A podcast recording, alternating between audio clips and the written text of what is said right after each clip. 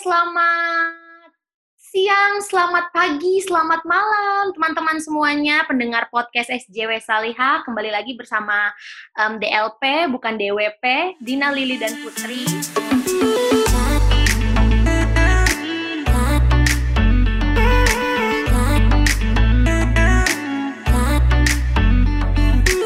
Di podcast kedua kali ini senang sekali akhirnya ketemuan lagi kita bertiga tapi kita hari ini nggak bertiga ya, Lil Put. Uh, ada kedatangan tamu, dua tamu kece badai. Uh, kebetulan karena nama kita SJW Saliha, kan, kalau cewek-cewek dipanggil ukti ya, kita kedatangan dua ahi-ahi kece. Um, kece bukan sembarang kece, teman-teman semua, karena kita bakalan specifically ngomongin tentang um, project um, hiunya mereka nih, salah satu project keren banget yang udah cukup lama dibangun sama dua ahi-ahi kece ini. Um, ngomongin hari ini mungkin teman-teman kayak loh kok jumping banget sih tour dari sebelumnya ngomongin tentang mau di Ayunda dan privilege people. Now we come to the issue tentang conservatory. Nah, ini penting banget. Jadi karena si SJW Salihah ini tidak specifically hanya ngomongin satu isu, kita tuh pengen ngerangkul semua orang biar bisa paham isu-isu yang berat menjadi sungguh ringan, biar nanti bisa diimplementasikan di kehidupan nyata. Tuh syukur-syukur ntar kita muncul-muncul lagi ada hero-hero di bidang marine, ada orang-orang yang lebih tertarik di bidang isu public policy, atau tentang development issue, dan lain-lain. Jadi, kita mau bahas ini dengan uh, bahasa yang sungguh santai, jadi teman-teman juga dengerinnya mungkin bisa sambil pas nyetir, atau pas lagi mandi sambil dengerin terserah deh pokoknya nah um, semoga teman-teman yang denger udah bulan ke-6 ke-7 COVID-19 ini tetap bisa stay strong karena pemerintah Indonesia kan bilangnya berdampingan ya dengan COVID. Padahal sebenarnya kan kita fight for the real normal gitu. Nah, tapi anyway nggak apa-apa tetap harus produktif. Makanya kita kembali lagi di sini. Nah, dua orang yang jadi um, narasumber Anjay, narasumber malam ini kita ada kedatangan satu, ada yang pertama ada Rafid.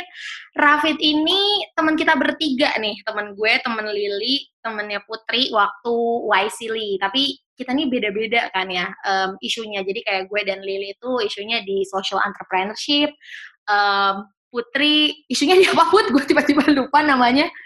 Apa Put? Engagement. Ya, civic engagement. Kalau si uh, Rafid apa judul panjangnya Fit? Enva environmental issues.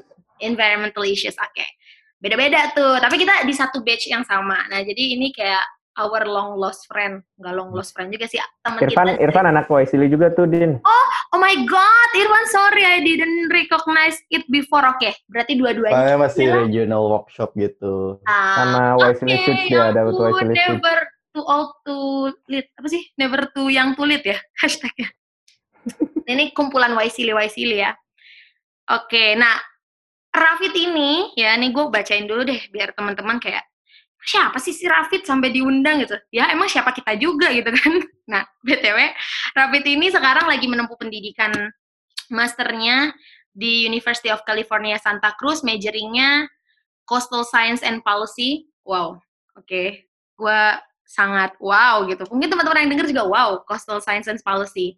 Nah, biar dia jadi itu, polisi tuh, Li. Soalnya jadi ya, polisi ya. polisi. Polisi laut, Pak. iya. bisa, bisa, bisa. polisi laut ya.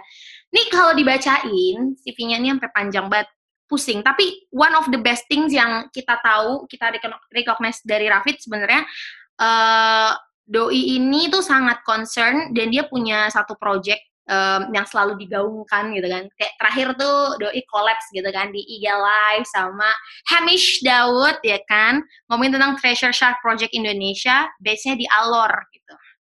Berarti ini orang si Rafid nih orang-orang pulau banget ya, moving out dari satu pulau ke pulau lain buat apa namanya influencing dan juga uh, apa ya memberikan capacity building buat nelayan-nelayan mungkin atau orang-orang lain. Nanti kita akan kepoin Rafid kayak gitu tapi um, itu sih tadi kurang lebih si Rafid passionate banget di bidang marine conservation, fisheries justice, and capacity building. Jadi ya saudara-saudara semua bisa tahu lah ya betapa berarti beliau ini kan sangat tahu lah tentang isu spesifik tadi tentang hiu hiu tikus ya disebutnya ya Rafid ya?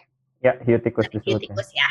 Oke, nah nggak cuman Rafid, Rafid membawa dan memboyong temannya gitu kan, konco kentalnya. Ada Irfan, Menyeret ya, menyeret lebih lebih tepat. nyeret, diseret ya. Hai Menyeret, Irfan, terseret. Halo, Kak Kami Dina. lo, lo seneng Halo, Irfan. Halo, Kak Lili. Lo seneng gak masuk ke SJW Salihah? Seneng Uhti Uhti. Ngobrol-ngobrol bareng Uhti Uhti. Solihah. Majelis online ya. Iya, iya.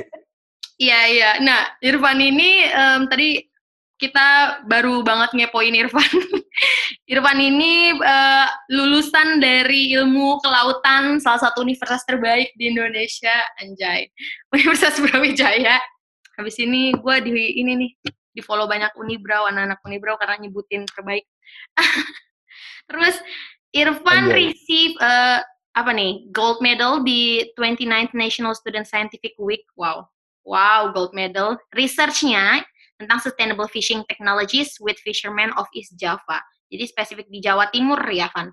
Apa mentang-mentang Iya. karena kuliahnya dulu di Kuliah di Jawa Timur. Iya. Kuliah di Jawa Timur. Area Wih, Jatim. emang emang di Malang ada laut ya? Oh iya deh Eh, ada. ada laut. Ih, indah Oh, iya. banget. Maaf, Malang. Pak, Bu, itu kan ujung, ujung Pulau Jawa. Nggak rela langsung. Ujung Irfan. Pulau Jawa tuh Banyuwangi. Oh iya, maksudnya Malang di tuh. ya udahlah, kan Jawa Timur ya maksud gua di banget. Oh iya iya iya. Nah, elah, Van. Ketahuan dah gua. Jadi dong-dong banget. Apa? nah, Irfan saat ini sedang eh, bekerja di salah satu, gak boleh dimention ya, Van ya? Salah satu institusi, ya kan? Institusi yang punya fokus juga di bidang em, development sama isu tentang kelautan. Iya, Van? Ya betul. Jadi salah boleh satunya membahas tentang kelautan dan perikanan. Kelautan perikanan. Kenapa sih nggak boleh dimention? Padahal orang-orang mungkin tahu. Tidak tidak seperti itu juga. Nggak apa-apa, biasa aja sih sebenarnya. Netizen kita kan cerdas ya, nggak usah Nah diapa-apain. itu ntar ketemu sendiri. hin-hin gitu kan. Ya, juga lulusan S3 kepologi kan kalau di Indonesia. Jadi ya semua juga tahu lah kalau mentioning tadi. Kelautan dan perikanan. Ya cari aja ya, gengs. Itu apa. Tapi gitu. Nanti kalau udah ketemu komen di bawah ya, gengs. Iya. ya. Oh, ini bawah. Subhanallah. Ya bener, tolong ya. Kayak gitu. Nah, dua-duanya ini alumni Waisili. Keren-keren banget. Kalian tahu kan kalau udah masuk Waisili berarti keren banget. Anjay, enggak. Ya Allah. Enggak, teman-teman gitu lah tapi intinya. Nah, kita senang banget kedatangan dua orang ini. Kita bakal ngobrol-abrik em, isu tentang eh, project-project yang mereka kerjain, specifically yang ada di laut pastinya. Dan itu salah satunya adalah tentang hiu. Nah, pas masuk, pas baru masuk nih ya, kita mau masuk nih, kita mau tanya dulu kabarnya Irfan sama em, Rafid, apa kabar? Baik. Halo, sehat, alhamdulillah. Alhamdulillah baik. Kalau di sini jawabnya harus alhamdulillah. Alhamdulillah. Ya. biasa Allahu Akbar. Allahu Akbar. Takbir. Sama pesantren gitu ya, pesantren kilat ya. Judulnya aja SJW Salehah gitu kan. Tapi nggak termasuk dengan kami yang kemarin deklarasi kan? Nah, enggak, enggak. Kita satu, tidak enggak ya? berafiliasi Oh, dengan tidak berafiliasi. makhluk Kita justru kami yang M-nya dua. Oh, eh, betulan nih. Eh, oh, kami juga, Lili, subhanallah. Ini nggak, kami nggak, juga. Komisariat mana? Eh, alah. Eh, terus, terus, bahas terus. Lama-lama kita ngomongin itu aja. Tadi intronya aja lama banget ya. iya, makanya nggak apa-apa. Udah, ntar juga dipotong, Bu. Mohon maaf. Oke, eh, tadi Irfan sama Rafid baik-baik aja ya kabarnya ya. Eh, sahabat aku, Lili dan Putri, masih ada di sana? Atau udah tidur? Halo. Masih dong. Masih ya? Masih sehat ya? Alhamdulillah, Ukti.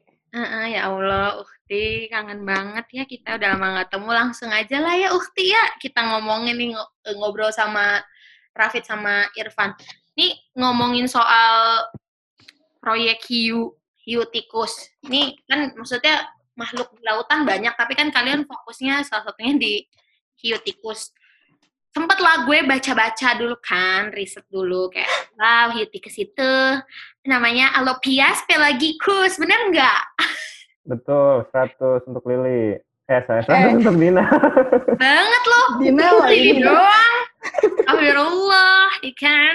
Nah, ini gue pengen, pengen kepo sih sebenarnya. Dari awal nih kan kalian dua orang ini nih em, boleh nggak sih Eh, ceritain? sorry, apa- Kak Dina dipotong. Sebenarnya Bang Rafid aja sih yang fokus di Utikus gitu. Oke, kamu berfokus Uh, pada Aku kelautan dan berfokus perikanan. pada uh, yang lain lah terhadap isu-isu kelautan dan perikanan gitu. Baik, salah satunya itu ya. Ya, uh. Jadi Nah, salah satunya belajar tentang hiu tikus dari Bang Iya. Rafid. Oke, nah kalau gitu boleh nggak ya kalian ceritain kayak hmm, awal mula nih ketertarikan kalian tentang isu tadi. Mungkin kalau Irfan bisa ceritain ya kenapa sih tiba-tiba pengen banget fokus di isu em, kelautan dan perikanan ya selain dari kuliahnya jurusannya itu ya ilmu kelautan. Kalau Rafid mungkin juga bisa ceritain kayak dulu Fit, lu S1-nya apa Fit? Sama ilmu kelautan Oh juga. sama.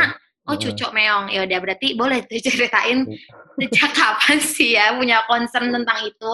Maksud gue kayak gue S1-nya bahasa Jerman tapi gue nggak ada tuh concern tentang bahasa Jerman gitu dan gue malah memilih ke hal lain gitu untuk di concern. Nah kalian Lu nggak studi, lu nggak studi cowok-cowok Jerman gitu ya? Enggak. Aku nggak suka laki-laki. Enggak enggak bercanda. Ya, enggak. Oke. Nanti muncul lagi nih cucu enggak enggak bercanda tidur. Udah gitu. Mungkin boleh diceritain nggak kalian nih kenapa sih bisa bisa bisanya gitu? Padahal hidup di darat, concernnya kok tentang laut gitu. Apa ya? eh ya makasih Din. Jadi kayaknya gue masuk, ada suara toke nih. Em, gue masuk ke jurusan kelautan tuh kayak kesasar mungkin ya. Jadi kayak waktu pas lulus SMA itu sebenarnya gue tes lima kali tuh masuk jurusan kedokteran ya. Tapi kayak eh apa nggak nggak jodoh kali. Terus kayak nyari jurusan apa sih yang kira-kira paling gampang dimasukin gitu. Terus waktu itu yang masih buka kebetulan di Unsut untuk jurusan kelautan. Jadi kayak eh, apa eh, kursinya ada 90 gitu ya, tapi yang daftar kayak cuma 40 orang. Jadi kayak banyak kursi kosong gitu, akhirnya gue daftar ke sana. Cuman pas selama kuliah masuk semester 3 4 itu mulai tertarik gitu sama sama kelautan ya. Jadi kayak eh, awalnya kesasar tapi malah jadi tertarik beneran ke dunia kelautan.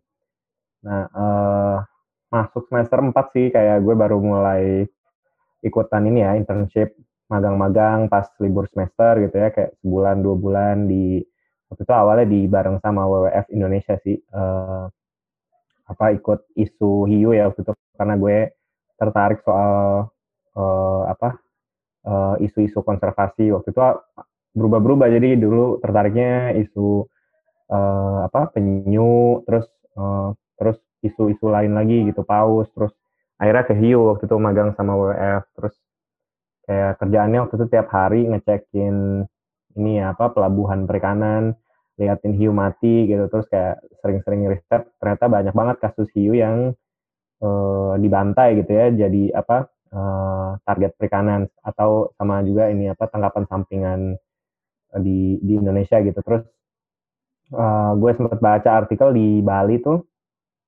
hiu tikus yang hamil itu banyak dibantai di sana.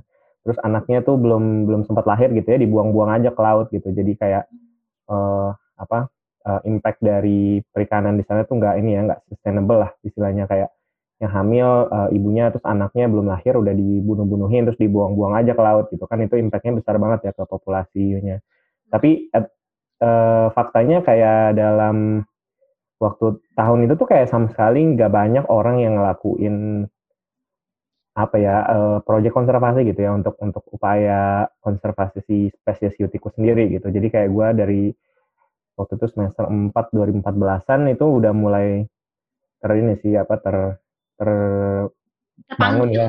Nah, terpanggil kayak passionnya.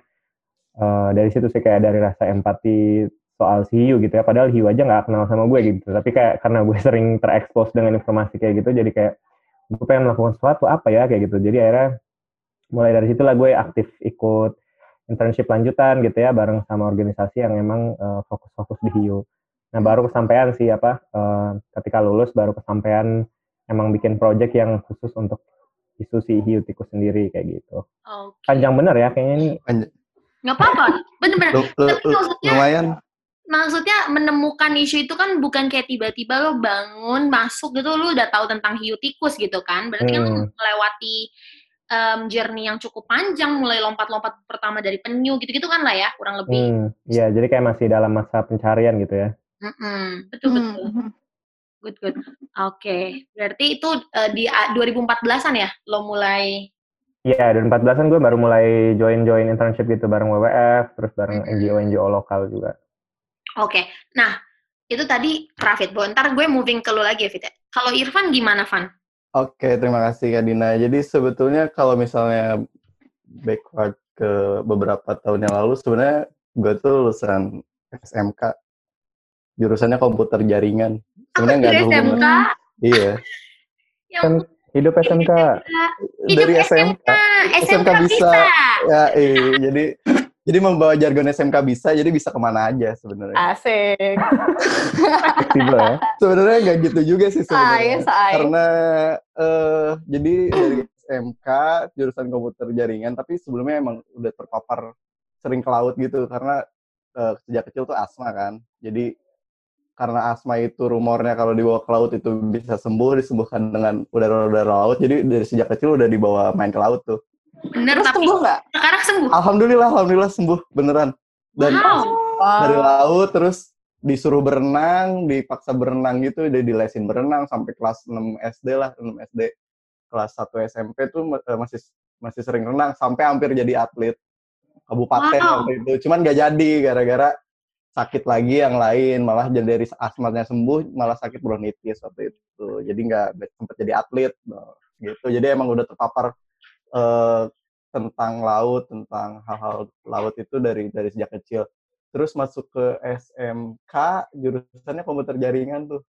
Jadi kenapa nggak ambil SMK yang ada perkapalan gitu gitu sebenarnya nggak nggak nggak nggak tahu juga. Ada jurusan perikanan terus jurusan kelautan baru tahu-tahu itu setelah mau lulus SMK tuh inginnya masuk ke salah satu universitas terbaik gitu kan. Kita di negeri ini gitu kan yang teknologi teknologi teknologi gambar gajah.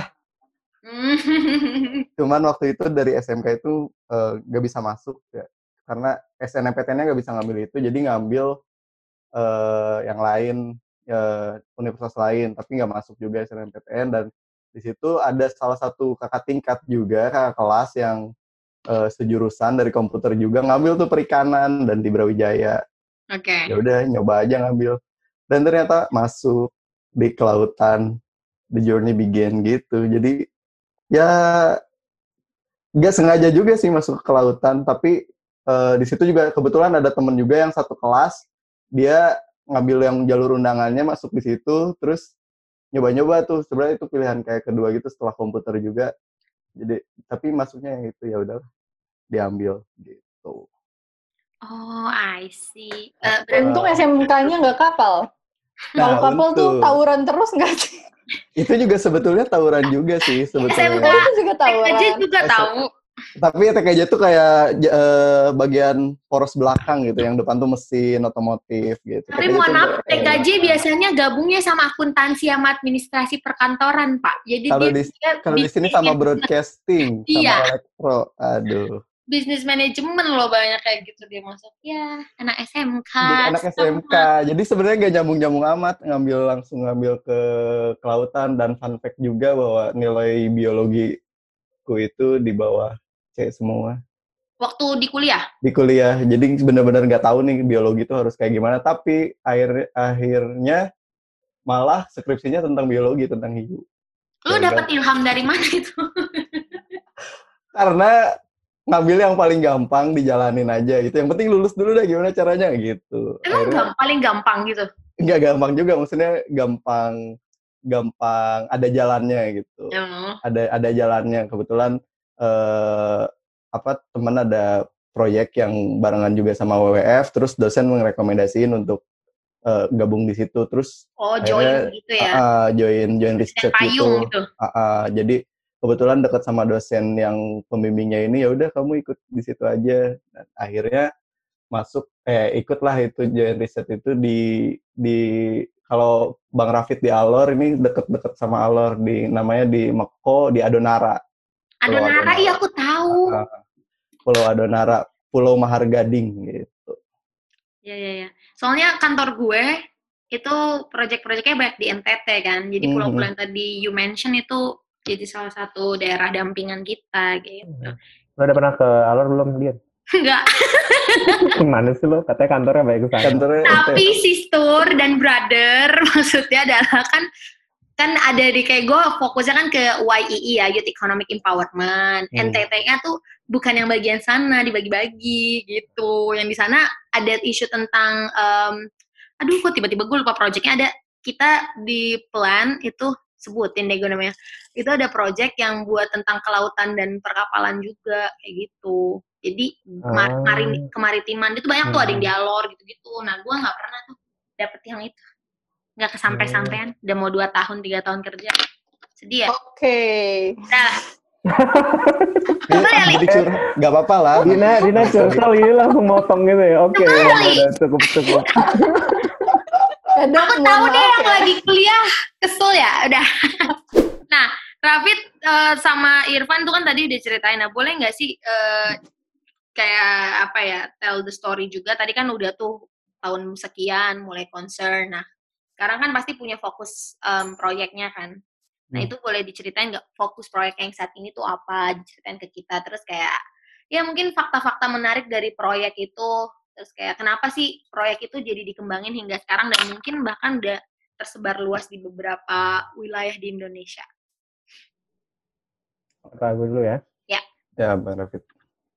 Iya, eh, jadi kayak apa? Eh, sebenarnya proyek proyek Treasure itu mulai tahun 2018 ya. Jadi dulu eh itu gue masih sempat kerja di Raja Ampat tahun 2017 mulai sampai 2018. Jadi kayak dua tahun, hampir dua tahun.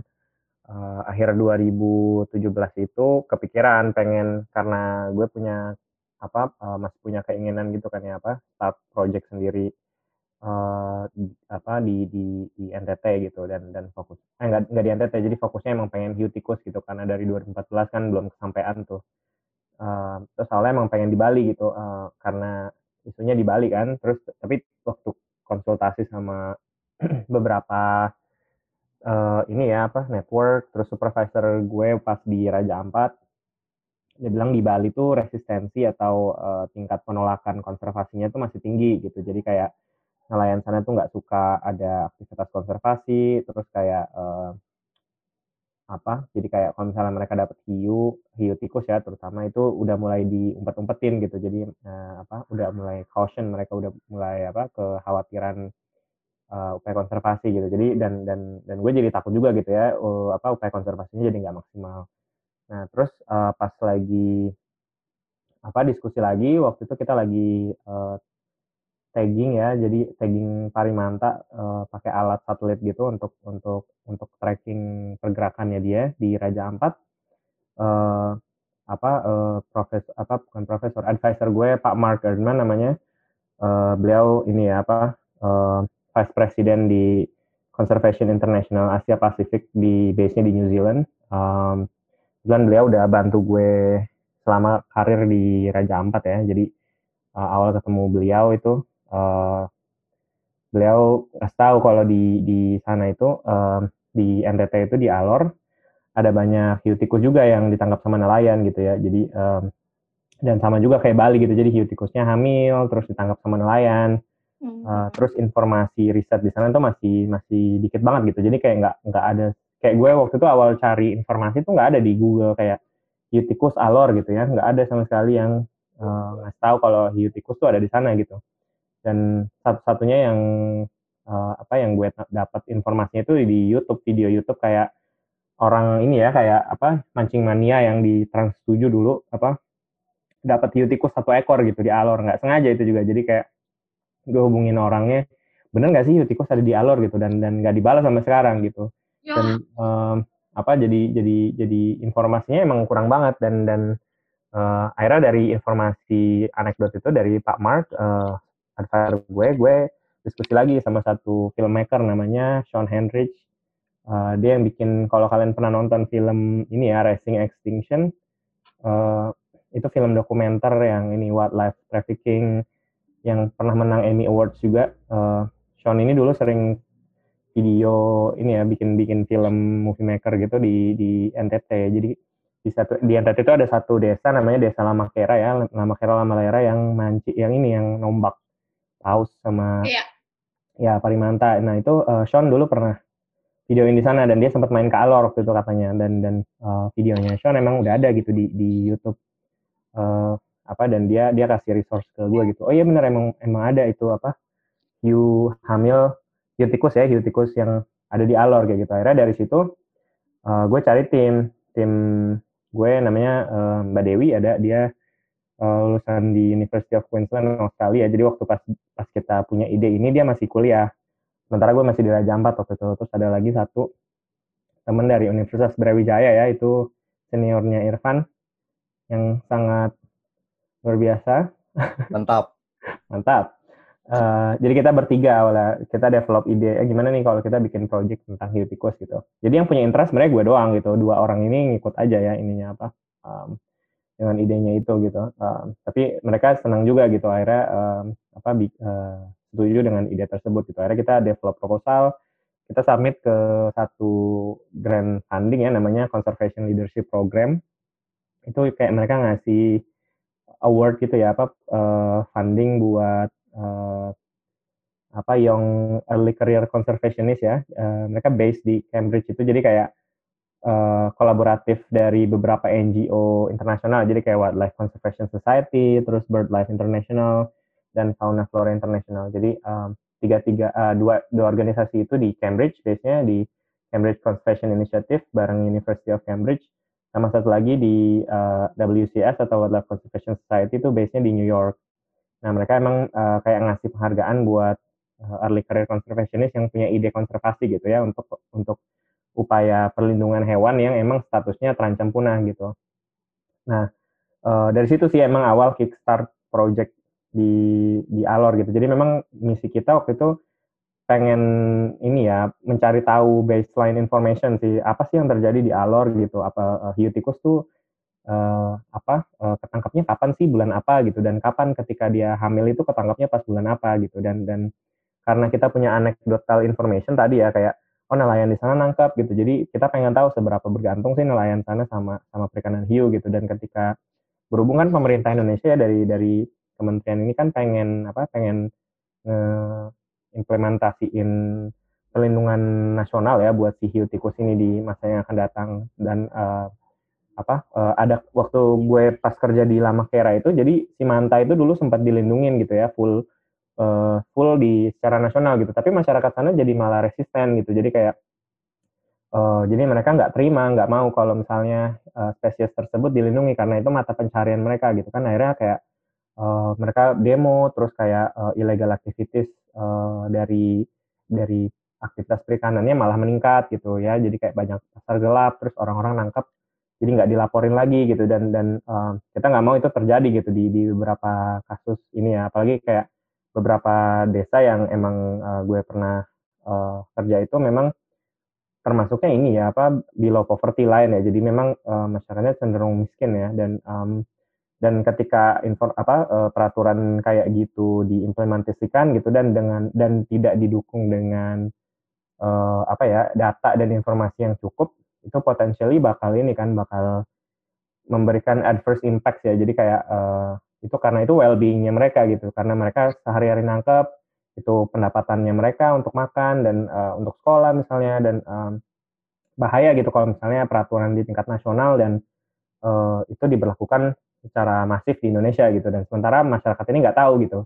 Jadi uh, itu uh, ini juga apa jadi goal kita. Jadi kayak kalau misalnya ini nanti dilindungi kayak kita bikin skenario gitu sama nelayan. Kalau misalnya ini dilindungi uh, apakah ada alternatif perikanan lain gitu ya untuk nelayan supaya dapat pendapatan dari ikan lain misalnya apa ada ikan tuna atau ikan yang lain yang bisa ditangkap nelayan gitu terus yang ketiga itu uh, ini apa kita edukasi juga ke komunitas di ini ya sekolah-sekolah di SMA, SD, SMP sama komunitas nelayan lain juga di desa lain gitu yang yang um, tentang statusnya. Jadi emang kayak awalnya nelayan sana nggak tahu gitu. Oh emang iya ya apa status hiunya sekarang uh, terancam punah ya gitu. Padahal banyak-banyak aja kayaknya di sini gitu. Jadi kayak itu penting juga gitu. Jadi ketika kayak kita datang-datang ujuk-ujuk bilang oh bapak ini nggak boleh dilarang gitu. Itu salah juga gitu. Jadi kayak kita harus pelan-pelan um, ngasih edukasi gitu ya pemahaman. Jadi uh, apa nggak bisa langsung serta merta mengimplementasikan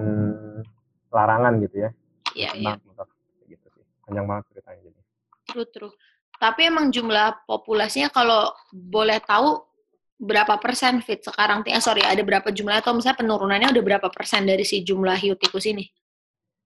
Jadi uh, apa informasinya itu kan dulu yang yang uh, jadi semenjak kasus si apa uh, shark fisheries itu naik tuh dari tahun 2000-an ya 2000 awal itu kan harga sirip hiu naik tuh uh, di pasar internasional ya jadi lari ke Cina di ekspor Cina.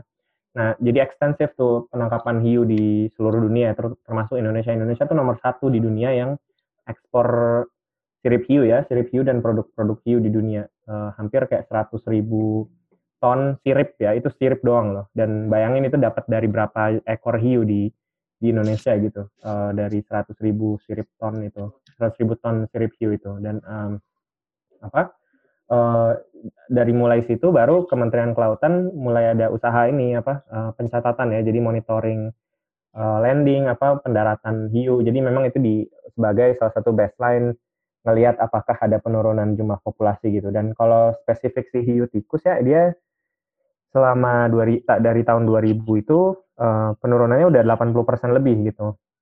Jadi uh, dan uh, statusnya sekarang udah endangered ya jadi memang terancam punah. Jadi kan uh, start, apa uh, tahapnya tuh endangered critical endangered terus extinct. Jadi kayak dia dua dua tahap sebelum punah gitu. Jadi uh, dan dan sementara aktivitas penangkapan dan aktivitas uh, apa uh, perikanannya itu masih masih sama gitu intensitasnya. Dan dan uh, kayak kita masih sering banget lihat dia didaratin tiap hari terus banyak yang hamil gitu. Jadi uh, memang alarming. Dan at the fact kayak uh, belum belum banyak gitu apa uh, upaya ya buat buat mengkonserv dia dan kalau dilihat dari luasnya pulau Indonesia kan kayak ada 16 ribu sekian dan dan terutama di pulau-pulau eh, NTT terus di Aceh di Jawa itu banyak banget yang mendaratin si hiu tikus tapi belum belum belum belum berhasil itu apa untuk mengontrol tingkat kematiannya dia ya jadi udah pasti sih lebih dari 80% kayaknya sekarang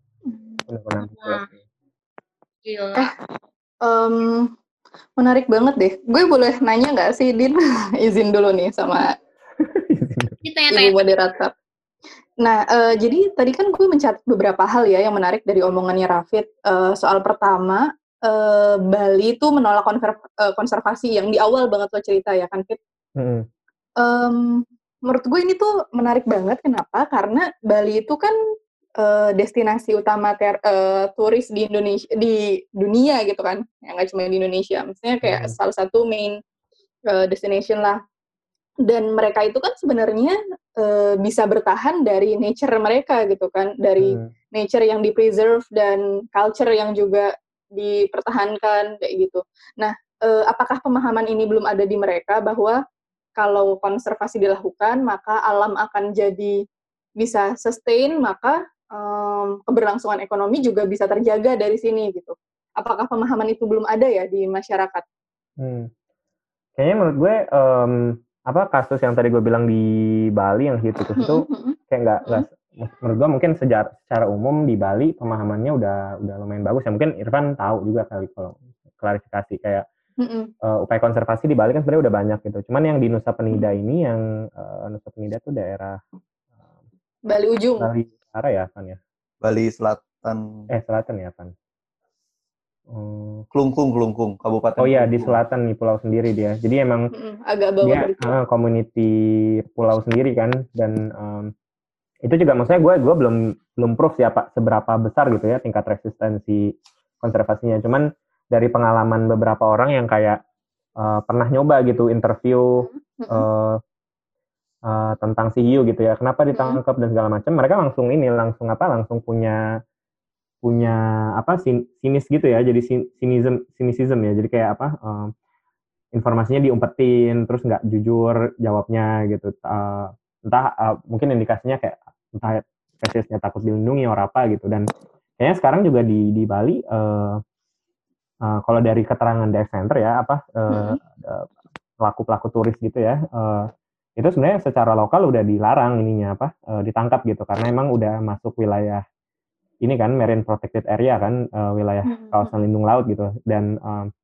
akhirnya ya itu karena banyak yang takut di ini jadi kalau dapet itu mereka diumpetin gitu. Kayak udah dipotong-potong dulu terus uh, di di diumpetin di pakai terpal gitu. Dan uh, apa uh, jadi ya jadi uh, apa ya masih masih jadi uh, reklusif ya. Jadi kayak di informasinya jadi ditutup-tutupin gitu sama nelayan di sana gitu. Itu mungkin emang karena itu salah satu tangkapan um, regulernya mereka juga kan ya. Jadi ketika once you said that itu nggak bisa segala macam, makanya dia yeah. lebih ke ignore nah bodo amat gitu. Ini kan yeah, cari mata pencaharian gua gitu dan diminati hmm. kali ya. Nah, ini diminati nggak sih kayak dagingnya gitu fit atau siripnya atau apanya sih gitu sampai Iya, hmm. apa sih yang dicari fit sebenarnya dari si hiu tikus ini? Si sebenarnya kalau hiu secara umum kan mereka nyarinya emang sirip kan ya dijual hmm. uh, di Emang buat gitu. apa? Emang buat apa? untuk obat kuat kah gitu? Obat iya, obat di Cina, obat hmm. sirip sub sirip hiu itu kan kultural ya. Jadi kayak pas Imlek orang-orang kayak uh, keturunan Tionghoa kayak di Singapura, di Cina, di Malaysia itu kan pada makan ini ya sup sup sirip hiu itu dipercaya kan untuk vitalitas gitu kan terus hmm. uh, apa menangkal apa menangkal kanker lah dan segala macam tapi padahal nggak ada hmm, hmm, hmm. nggak ada bukti ilmiah gitu yang bisa bilang itu bisa menyembuhkan kanker or anything gitu. Dan dan kalau misalnya si hiu tikus sendiri kayak uh, dibanding sirip hiu lain gitu ya hiu spesies lain kayak hiu martil atau hiu uh, koboi gitu ya uh, mereka sebenarnya paling murah sirip si hiu tikus ini gitu.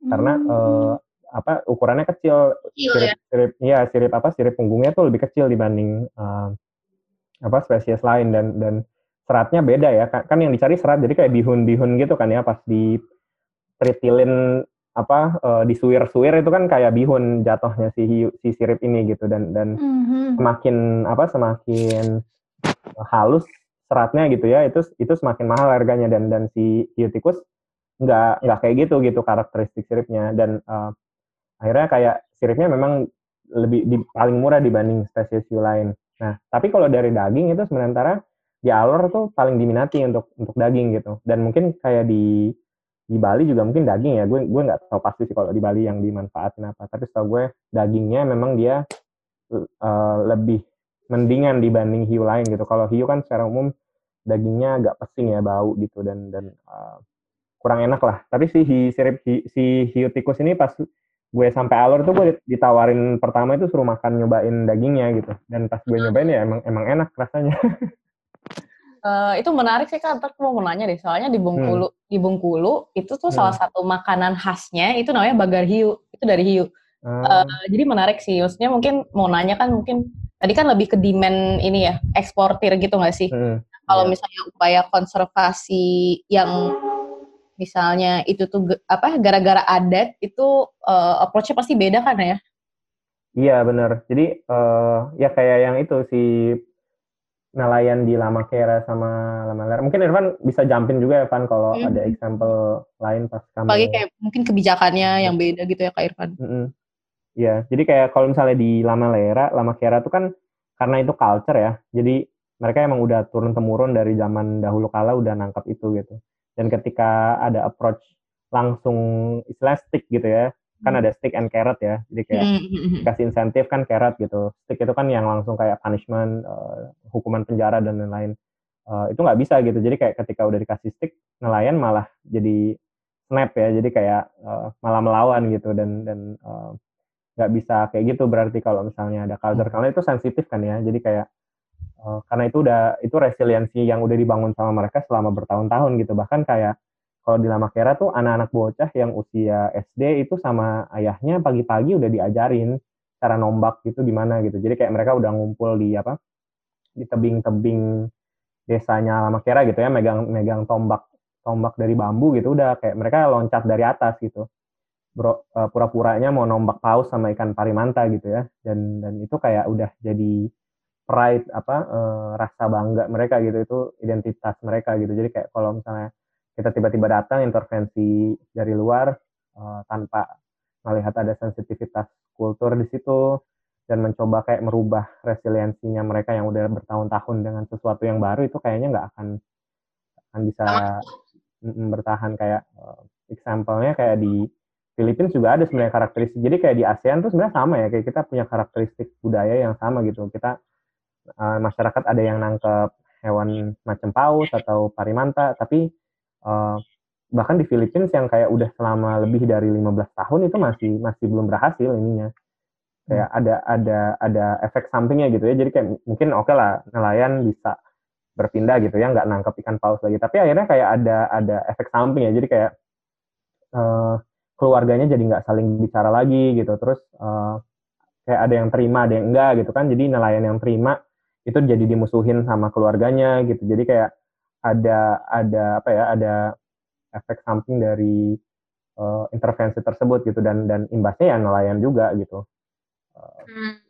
ya, ya, ya. di sana gitu soalnya kaitannya sama adat ya sama hmm. culture yang udah inherent dari mereka sebelum lahir udah ada gitu loh udah kayak in their blood hmm. well being juga kan itu apa? iya benar-benar kan nggak serta merta lu ngelarang kalau dia nggak bisa makan siapa yang mau provide right? Betul. Ya betul. Dan menambahin juga mungkin yang kayak di lama kera tadi gitu ya.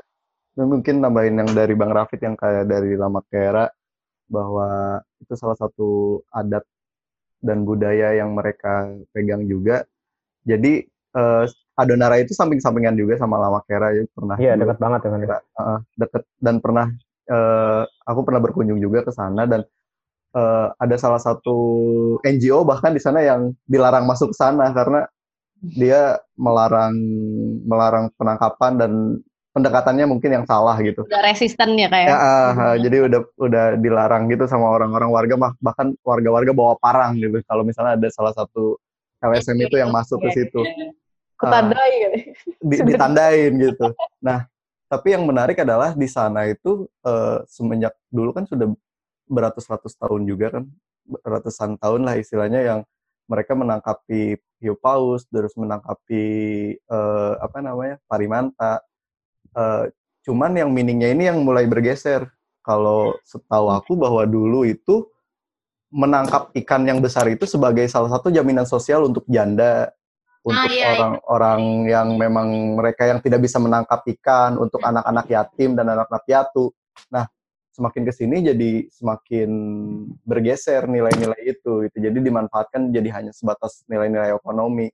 Padahal dengan menangkapnya hmm. ikan-ikan yang besar itu mereka bisa nyetok untuk beberapa bulan gitu. Jadi emang gak sekali makan habis, sekali makan habis gitu dan itu jadi jaminan sosial untuk uh, kepala desa, untuk orang-orang yang sanggup menangkap ikan, uh, maksudnya menangkap manta dan paus untuk uh, jadi sistem berbagi gitu.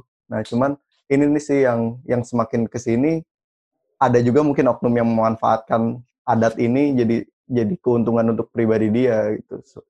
Seketika ketika demand-nya itu mulai tinggi. Iya, soalnya artinya ini dulu Kenapa? Kapi, uh, sosialisme banget ya berarti. All hail kapitalisme gitu. Sekarang Berubah meaning. itu kayak pergeseran jadi ada uh. kiblat ekonomi. Wah, anjay. Iya, jadi dulu kan kalau kata Irfan tadi kan dulu tuh mereka uh, nangkapnya tuh masih pakai ini ya perahu non motorized ya. Uh, non motorized. Sekarang tuh udah iya kayak kayak Irfan dulu kayak uh, emang ada ada condition tertentu ya ketika mereka mau nangkap itu kayak itu sacred banget kan kayak mm-hmm. mereka harus bikin upacara adat upacara dulu, adat sebelum, iya, uh, sebelum ada acara penembakan terus uh, apa seluruh tangkapannya itu bisa ini bisa ngasih makan satu kampung ya dan itu bisa berbulan-bulan gitu. Tapi sekarang kayak uh, udah mulai ada uh, ini ya apa uh, demand dari luar kayak uh, minyaknya ternyata ada yang ada yang oh, ya, keluar gitu. Dan sekarang mereka udah pakai motorized boat ya pakai pakai motor gitu. Jadi yang dulu pure untuk culture dan untuk subsistence berubah jadi ini jadi jadi ekonomi ini ya. Jadi kayak motifnya ya motif ekonomi gitu. Motifnya, kebutuhan ya. pasar. Kebutuhan, iya memenuhi yeah, kebutuhan yeah. pasar. Dan mungkin kalau misalnya secara logika kita bayangin juga udah adat itu udah ratusan tahun lah ya, misalnya 100 tahun dan orang-orang menangkap itu dan orang-orang juga di sana ya ada satu statement yang bilang kita udah nangkap ratusan tahun tuh nggak habis-habis gitu. Ya. Hmm. hmm. Nah, cuman kan sekarang kan yang uh, yang jadi masalah adalah decline-nya semakin parah karena tadi pergeseran dari uh, paradigmanya itu jadi asalnya apa ada satu speaker yang namanya? Uh, gue lupa namanya uh, mau siapa gitu orang kayaknya ya. Dia bilang alternative livelihood is uh, apa uh, western bull gitu ya. Karena uh, lo tuh mencoba merubah uh, resiliensi masyarakat yang kayak dari dulu tuh mereka udah beratus-ratus tahun they're, they're doing okay gitu ya apa hmm. dengan itu dan dan mereka hidupnya biasa-biasa aja sebelum orang luar itu datang gitu mencoba datang merubah, betul. merubah hmm. kondisi itu gitu. dan dan ketika gue apa mencoba apa mengadvokasi alternatif livelihood dan share conservation ini jadi hmm. ngerasa conflicted gitu ya. Ah, apakah gue termasuk orang yang mengambil western mindset ini gitu ya? Dan um, apa gue juga jadi kayak gue dan tim juga jadi kayak merasa berhati-hati gitu. Jangan sampai kayak kita datang sebagai orang luar gitu ya mencoba merubah uh, praktis yang uh, akhirnya malah menimbulkan kerugian gitu ya bagi masyarakat gitu makanya emang prosesnya jadi slow banget gitu karena kita harus menimbang-nimbang kayak uh, kayak moral ini juga ya moral moral burden juga gitu uh, harus hati-hati harus partisipatori gitu ya harus benar-benar dengar dari nelayan juga mereka maunya kayak gimana gitu baru kita bisa accommodate dan dan advokasi dengan cara yang benar gitu. Kayak yang tadi Irfan kayak contohnya memang conservation organization gitu ya uh, around the world atau bahkan di Indonesia sendiri approach-nya kayak gitu gitu. Jadi ada kayak systemic failure ya. Jadi kayak nggak bisa langsung kita datang ke ke certain community dan kita kasih tahu mereka harus begini dan, dan begitu gitu nggak nggak bisa kita kayak gitu gitu dan dan apa ya akhirnya malah jadi komunitasnya malah snap back gitu ya jadi kayak mm malah resisten dan dan malah melawan balik gitu kayak tadi Evan yang ekstrimnya yeah. adalah karena community ini memang udah terkenal gitu di seluruh dunia juga mereka yang yang menangkap paus, menangkap hewan-hewan endangered gitu dan dan apa hmm. uh, conservation NGO tuh kayak back to back gitu ya jadi berkali-kali datang gagal datang gagal gitu awalnya sih memang kayak mereka pakai approach traditional approachnya mereka gitu ya kayak datang provide alternative income lah bla bla bla gitu tapi dan hmm. tidak diset sebagai satu strategi yang yang matang gitu ya. Jadi akhirnya kayak masyarakat sana udah gue ngeliatnya sih kayak udah fed up gitu ya, kayak udah muak lah uh, datang conservation NGO ke sini gitu dan yang terbukti nggak berhasil gitu dan akhirnya mereka hmm. jadi daripada kita terus-terusan diusik dari lu, dari luar gitu kan uh, akhirnya ya udah mereka akhirnya malah menolak sama sekali gitu nah itu hmm.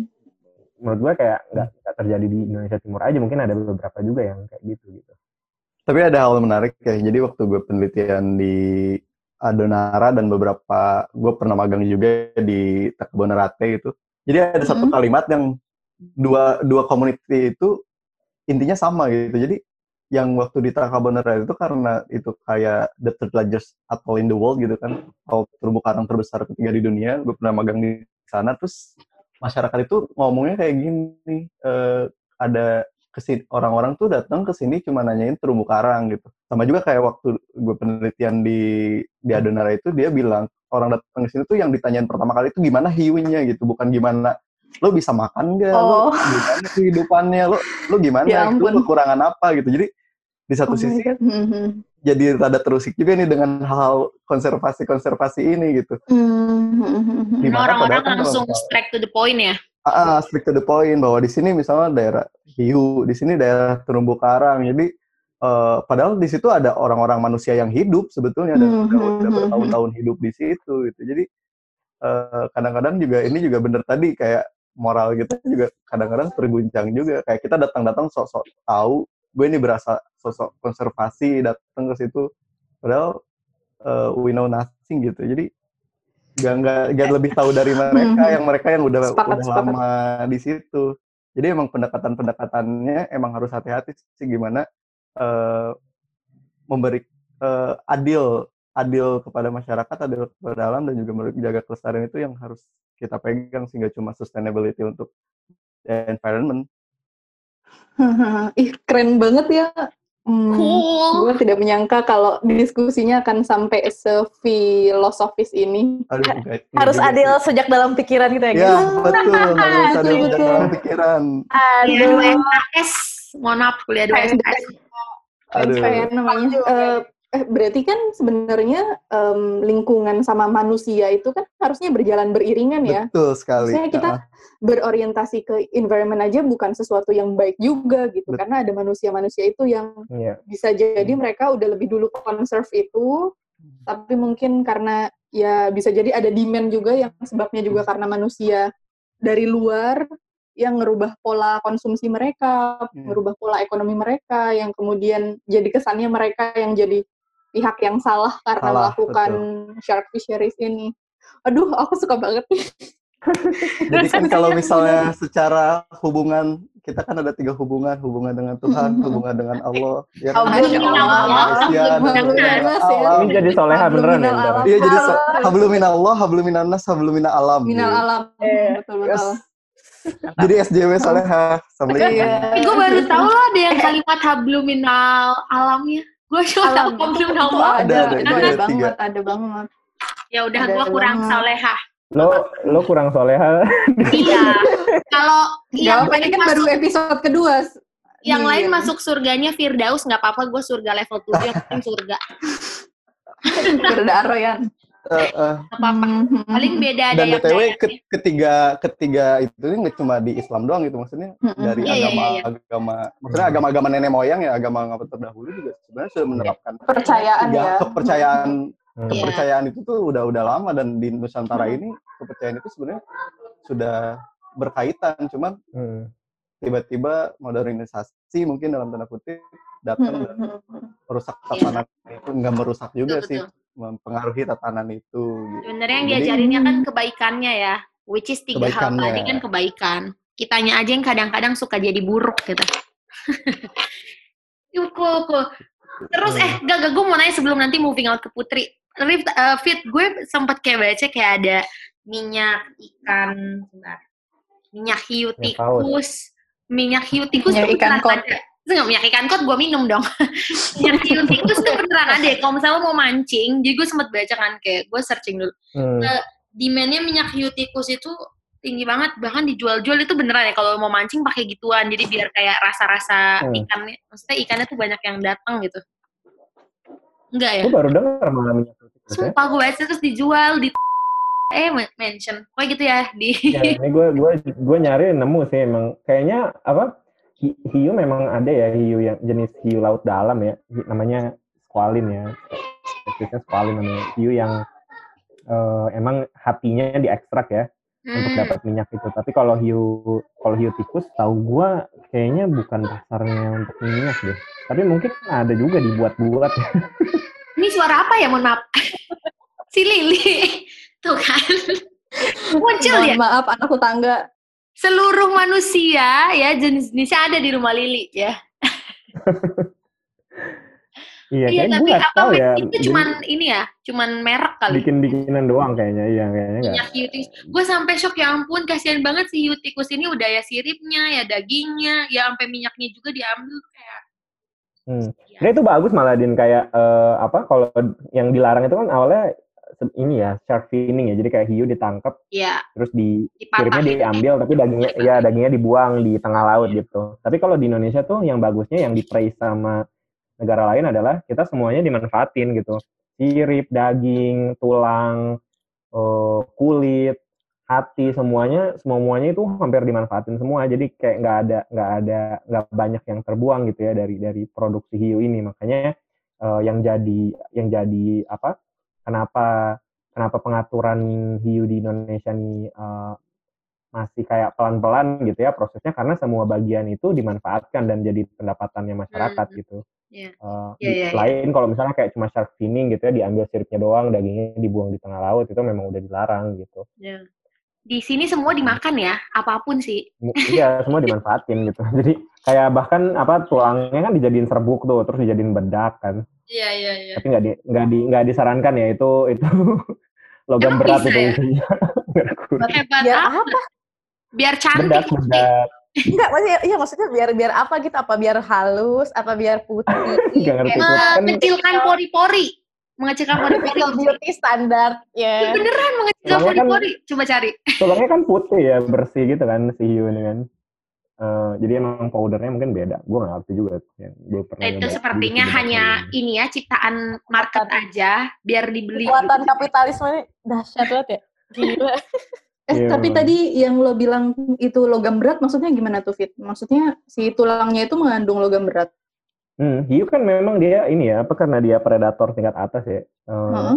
Dia jadi kalau kalian pendengar istilah biologi kan biomagnifikasi ya. Jadi dia makan jadi uh, ikan kecil gitu ya, ikan kecil uh-huh. dimakan sama ikan yang lebih besar gitu. Itu kan dia uh-huh. udah mengakumulasi logam-logam yang dari laut kan mereka kayak menyerap menyerap logam gitu kan jadi ketika dimakan sama oh. hewan yang lebih besar kan konsentrasinya di dalam tubuh mereka jadi lebih besar gitu kan dan otomatis semakin tinggi tingkat tingkat trofiknya si si hiu di di rantai makanan ya itu dia mengakumulasi semua logam yang dimakan dari tingkat bawahnya gitu Oh. Jadi makanya hmm. makanya si apa yang yang di yang apa di advertisement kan dibilang oh sirip hiu mengandung zat ini untuk me, apa mencegah oh, kanker dan lain-lain. Padahal sirip hiu itu salah satu konsentrat logam berat terbesar gitu karena uh, dari tadi yang tadi tingkat trofik biomagnifikasi itu terstornya ke simpannya di bagian sirip dan bagian tubuh-tubuh hiu yang lain gitu termasuk tulang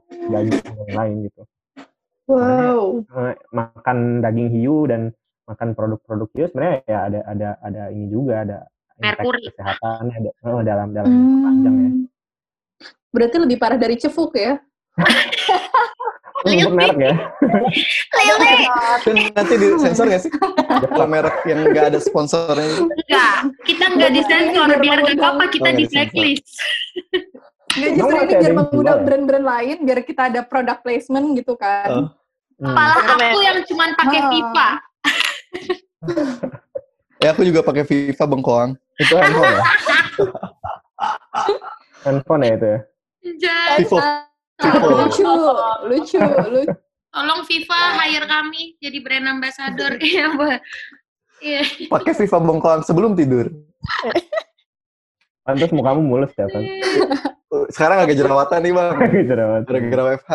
Wudhu makanya, Ahi. Wudhu kan oh, iya. Siapa? Kan? Wudhu aja, sholatnya nggak usah. Wudhu aja. Astagfirullahaladzim.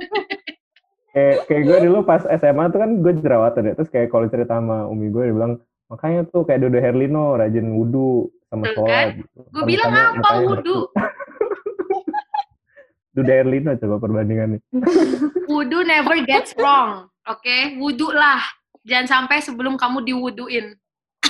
Put, lanjut Put. Kamu Okay. question. Uh, tadi tuh aku masih ini sih, mungkin karena re, apa ya uh, relate gitu ya, mungkin karena aku dari Bengkulu juga kan, terus saya sempat uh, tahu tentang perihal adat gitu kan. Aku jadi penasaran hmm. sama Kak Rafid sama Kak Irfan. Uh, kan susah ya, mungkin tadi juga bahas conflicting. Kita tahu nih kayak seberapa pentingnya kita harus nge-save hiu gitu kan harus menyelamatkan mereka gitu. Tapi kan uh, mungkin ya masyarakatnya punya perspektif yang berbeda gitu kan. Nah, um, Kak Rafid atau Kak Irfan gimana sih um, ngerubah perspektifnya gitu um, ke masyarakat supaya mereka tahu bahwa uh, ini tuh harus loh kita nge-save hiu emang manfaatnya buat mereka itu apa gitu. Terus kayak kenapa mereka harus uh, apa ya istilahnya melindungi juga atau tidak tidak memburu hiu-hiunya juga gitu? Uh, iya put. Thanks. Uh, ininya pertanyaannya. Jadi emang ini ya jadi um, tadi ya bakal beda-beda juga sih tergantung dengan karakteristik masyarakat ya. Uh, luckily kayak pas selama kita beberapa tahun di Alor sih masyarakatnya mulai ini ya. Jadi kayak ketika udah uh, kita kasih outreach gitu ya, education tentang informasi, oh ternyata hiu tikus ini udah terancam punah pak, udah banyak uh, ininya jumlahnya berkurang dan lain-lain gitu ya. Uh, mereka ngerti gitu, oh terus gimana gitu uh, kalau misalnya ini dan dan uniknya di di kampung yang dua kampung yang tempat gue kerja itu mereka sebenarnya udah ini udah conscious ya udah udah sadar dengan konservasi lingkungan gitu jadi kayak dibanding kan banyak banget ya kayak komunitas di NTT tuh masih ngebom nangkap ikannya gitu kan uh, terus pakai sianid untuk ngambil ikannya dan segala macam. Tapi di di Alor ini masyarakatnya udah udah conscious gitu mereka bilang mereka nggak suka pakai bom terus uh, alat pancingnya tuh alat pancing yang satu-satu gitu ya namanya handline mm -hmm. jadi kayak selektif banget dan uh, nggak nggak ini ya nggak nggak by catch. Dan mereka bilang karena mereka ada itu tadi ada ada terikatan sama sama ini ya sama laut. Karena nenek moyang mereka emang di situ gitu. Mereka bilang apa yang didapat dari laut selama itu didapatkan dengan cara yang baik kayak gitu ya itu berkah buat mereka gitu. Dan hmm. uh, dulu mereka pernah gitu ada hiu paus ya uh, kalau misalnya teman-teman tahu kan hiu paus kan hiu yang besar banget ya ininya ukurannya gitu.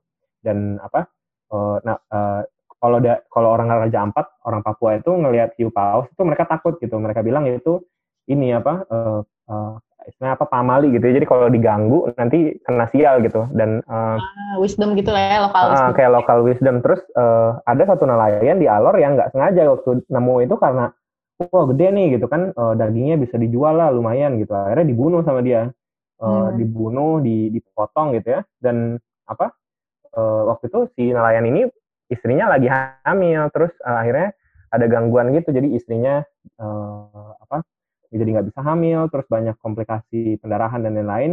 Akhirnya orang-orang situ ini ngumpul gitu kan karena uh, tradisi adatnya masih kuat banget. Dibilang ini kutukan dari dari ini ya, dari apa? Dari nenek moyang di laut lah, dibilang kayak gitu. Terus emang benar kayak setelah dia potong itu uh, ikan-ikan pada menghilang jadi kayak uh, ikan yang tadinya mereka biasa dapat kayak beberapa minggu itu mereka nggak bisa dapat sama sekali gitu kosong lautnya akhirnya mereka bikin ini apa seserahan gitu kan sama uh, laut gitu ya. Jadi kayak mereka potong potong ayam terus uh, sebar nasi ke laut kayak gitu ya supaya dimaafin gitu uh, si hiu ininya. Jadi kayak udah dari situ baru mereka udah kapok gitu ya. Kalau ada hiu paus mereka nggak nggak akan berani nggak akan berani lagi ngeganggu Ambil, lagi ya. gitu. Uh, jadi emang kayak um, apa memang ada beberapa sih kayak tergantung dari karakteristik uh, masyarakatnya gitu. Tapi kalau misalnya di alor kayak selama uh, apa mereka dikasih informasi gitu ya di, dikasih yang reasonable gitu lah ya apa mereka bisa grasp informasi itu dan itu make sense dengan mereka gitu.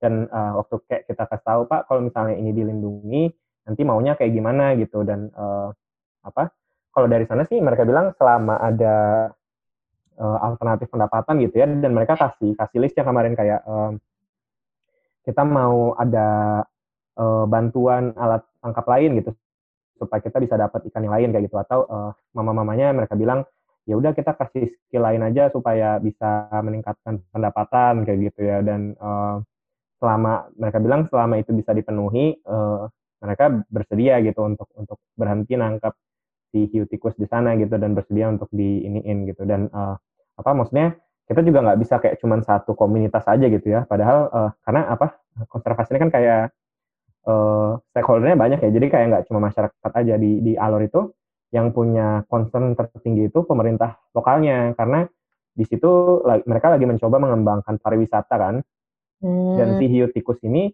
karakteristiknya karakteristiknya sebenarnya dia hiu laut dalam. Jadi kayak susah banget ditemuin di uh, kawasan yang dangkal-dangkal. Sementara di alor itu mereka bisa ketemu di kedalaman 15 meter, 20 meter dan pas nyelam gitu. Dan kita punya indikasi oh ini potensial banget di alor untuk dijadikan satu wisata observasi hiu tikus gitu ya selagi menyelam dan itu kita advokasi ke, ke pemerintah. Oh mereka excited gitu ya.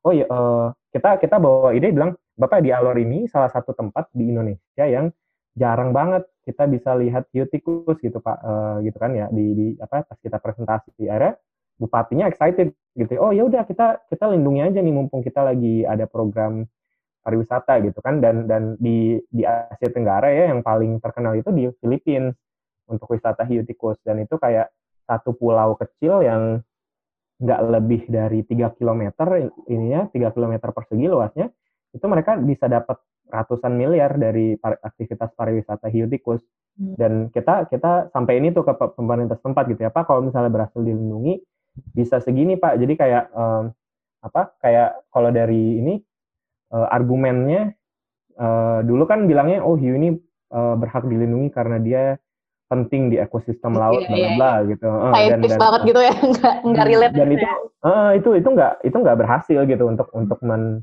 apa mereverse persepsi orang gitu ya. Uh, ya udah terus kenapa gitu soat dan tapi ketika kita kasih value lain gitu ya jadi kayak oh kalau misalnya hiu dilindungi dan punya potensi sebagai pariwisata misalnya biasanya itu akan lebih cepat untuk ini ya apa uh, ngedorong orang-orang untuk bisa tertarik juga untuk bisa melindungi gitu. Dan contohnya kayak di alur ini ketika kita kasih tahu pak ini di di Utikus ini langka gitu di Indonesia nih susah kita ketemu pas lagi diving gitu. Tapi di Alor ini kita bisa ketemu pas lagi diving gitu. Dan dan kalau kita lindungi ini ini bisa potensial gitu sebagai salah satu situs di Indonesia ya untuk menyelam barang hiu tikus gitu. Makanya aktivitas perikanannya harus dikurangi juga gitu supaya dia bisa bisa tetap ada di sana gitu kan. Dan akhirnya ya itu sih pemerintah akhirnya mau ini kan mau bahu membahu oke okay, kalau misalnya mau dilindungi nanti masyarakatnya mau kayak gimana gitu. Baru kayak uh, baru kita susun kayak apa uh, partisipatory proses ya. Jadi kayak pemerintah dibawa bareng sama masyarakat dan dan apa di masih banyak juga gitu gapsnya. Jadi kayak uh, skeptisismnya masyarakat terhadap pemerintah gitu. Ah dulu kita jarang ditolong kayak gitu. Dan dan ketika dibawa dalam forum baru keluar idenya gitu. Kenapa dulu diem-diem aja gitu? Kenapa kita jarang dapat bantuan dan segala macam gitu? Dan dan itu baru kayak baru jadi kayak satu forum di mana semua orang keluar ininya ya apa unek-uneknya masyarakat gitu. Dan pemerintah baru ada mulai kelihatan kayak seriousnessnya mereka gitu ya uh, rasa seriusnya mereka untuk bisa bareng-bareng gitu mengkonservasi si tikus di alor gitu. Jadi memang progresnya juga beda-beda sih tergantung dari interest politiknya ya uh, hmm. kalau misalnya pemerintahnya udah punya dorongan politik gitu kan bukan politik ya kayak uh, political drive untuk bisa mengkonservasi dan punya interest sendiri itu biasanya bakal lebih kuat sih ininya apa um, upaya ke depannya gitu ya. Hmm. Kalau Kak Irfan gimana Kak? Kan beda tempat tuh. Apakah uh, ininya sama atau mungkin uh, beda malah challenge-nya sama Kak Rafid? Sebetulnya sama aja ya secara general ya challenge-nya di masyarakat yang Nusantara ini ada uh, challenge-nya sama gitu kan. Karena kalau secara umum kan perikanan itu jadi uh, satu sektor yang uh, disebutnya tuh yang memiliki uncertainty yang cukup tinggi ya. Di mana kalau misalnya emang lo bisa dapet yang lebih gampang, kenapa harus cari yang susah gitu? Itu makanya kenapa banyak nelayan yang ya udah nangkep seadanya aja yang ada yang, yang bisa ditemuin dan emang di situ ada demandnya ya udah gitu diambil. Tapi untuk uh, me, apa mengcounter itu tapi tadi sempat disinggung juga ya sama Bang Raffi terkait dengan pendekatan-pendekatan adat.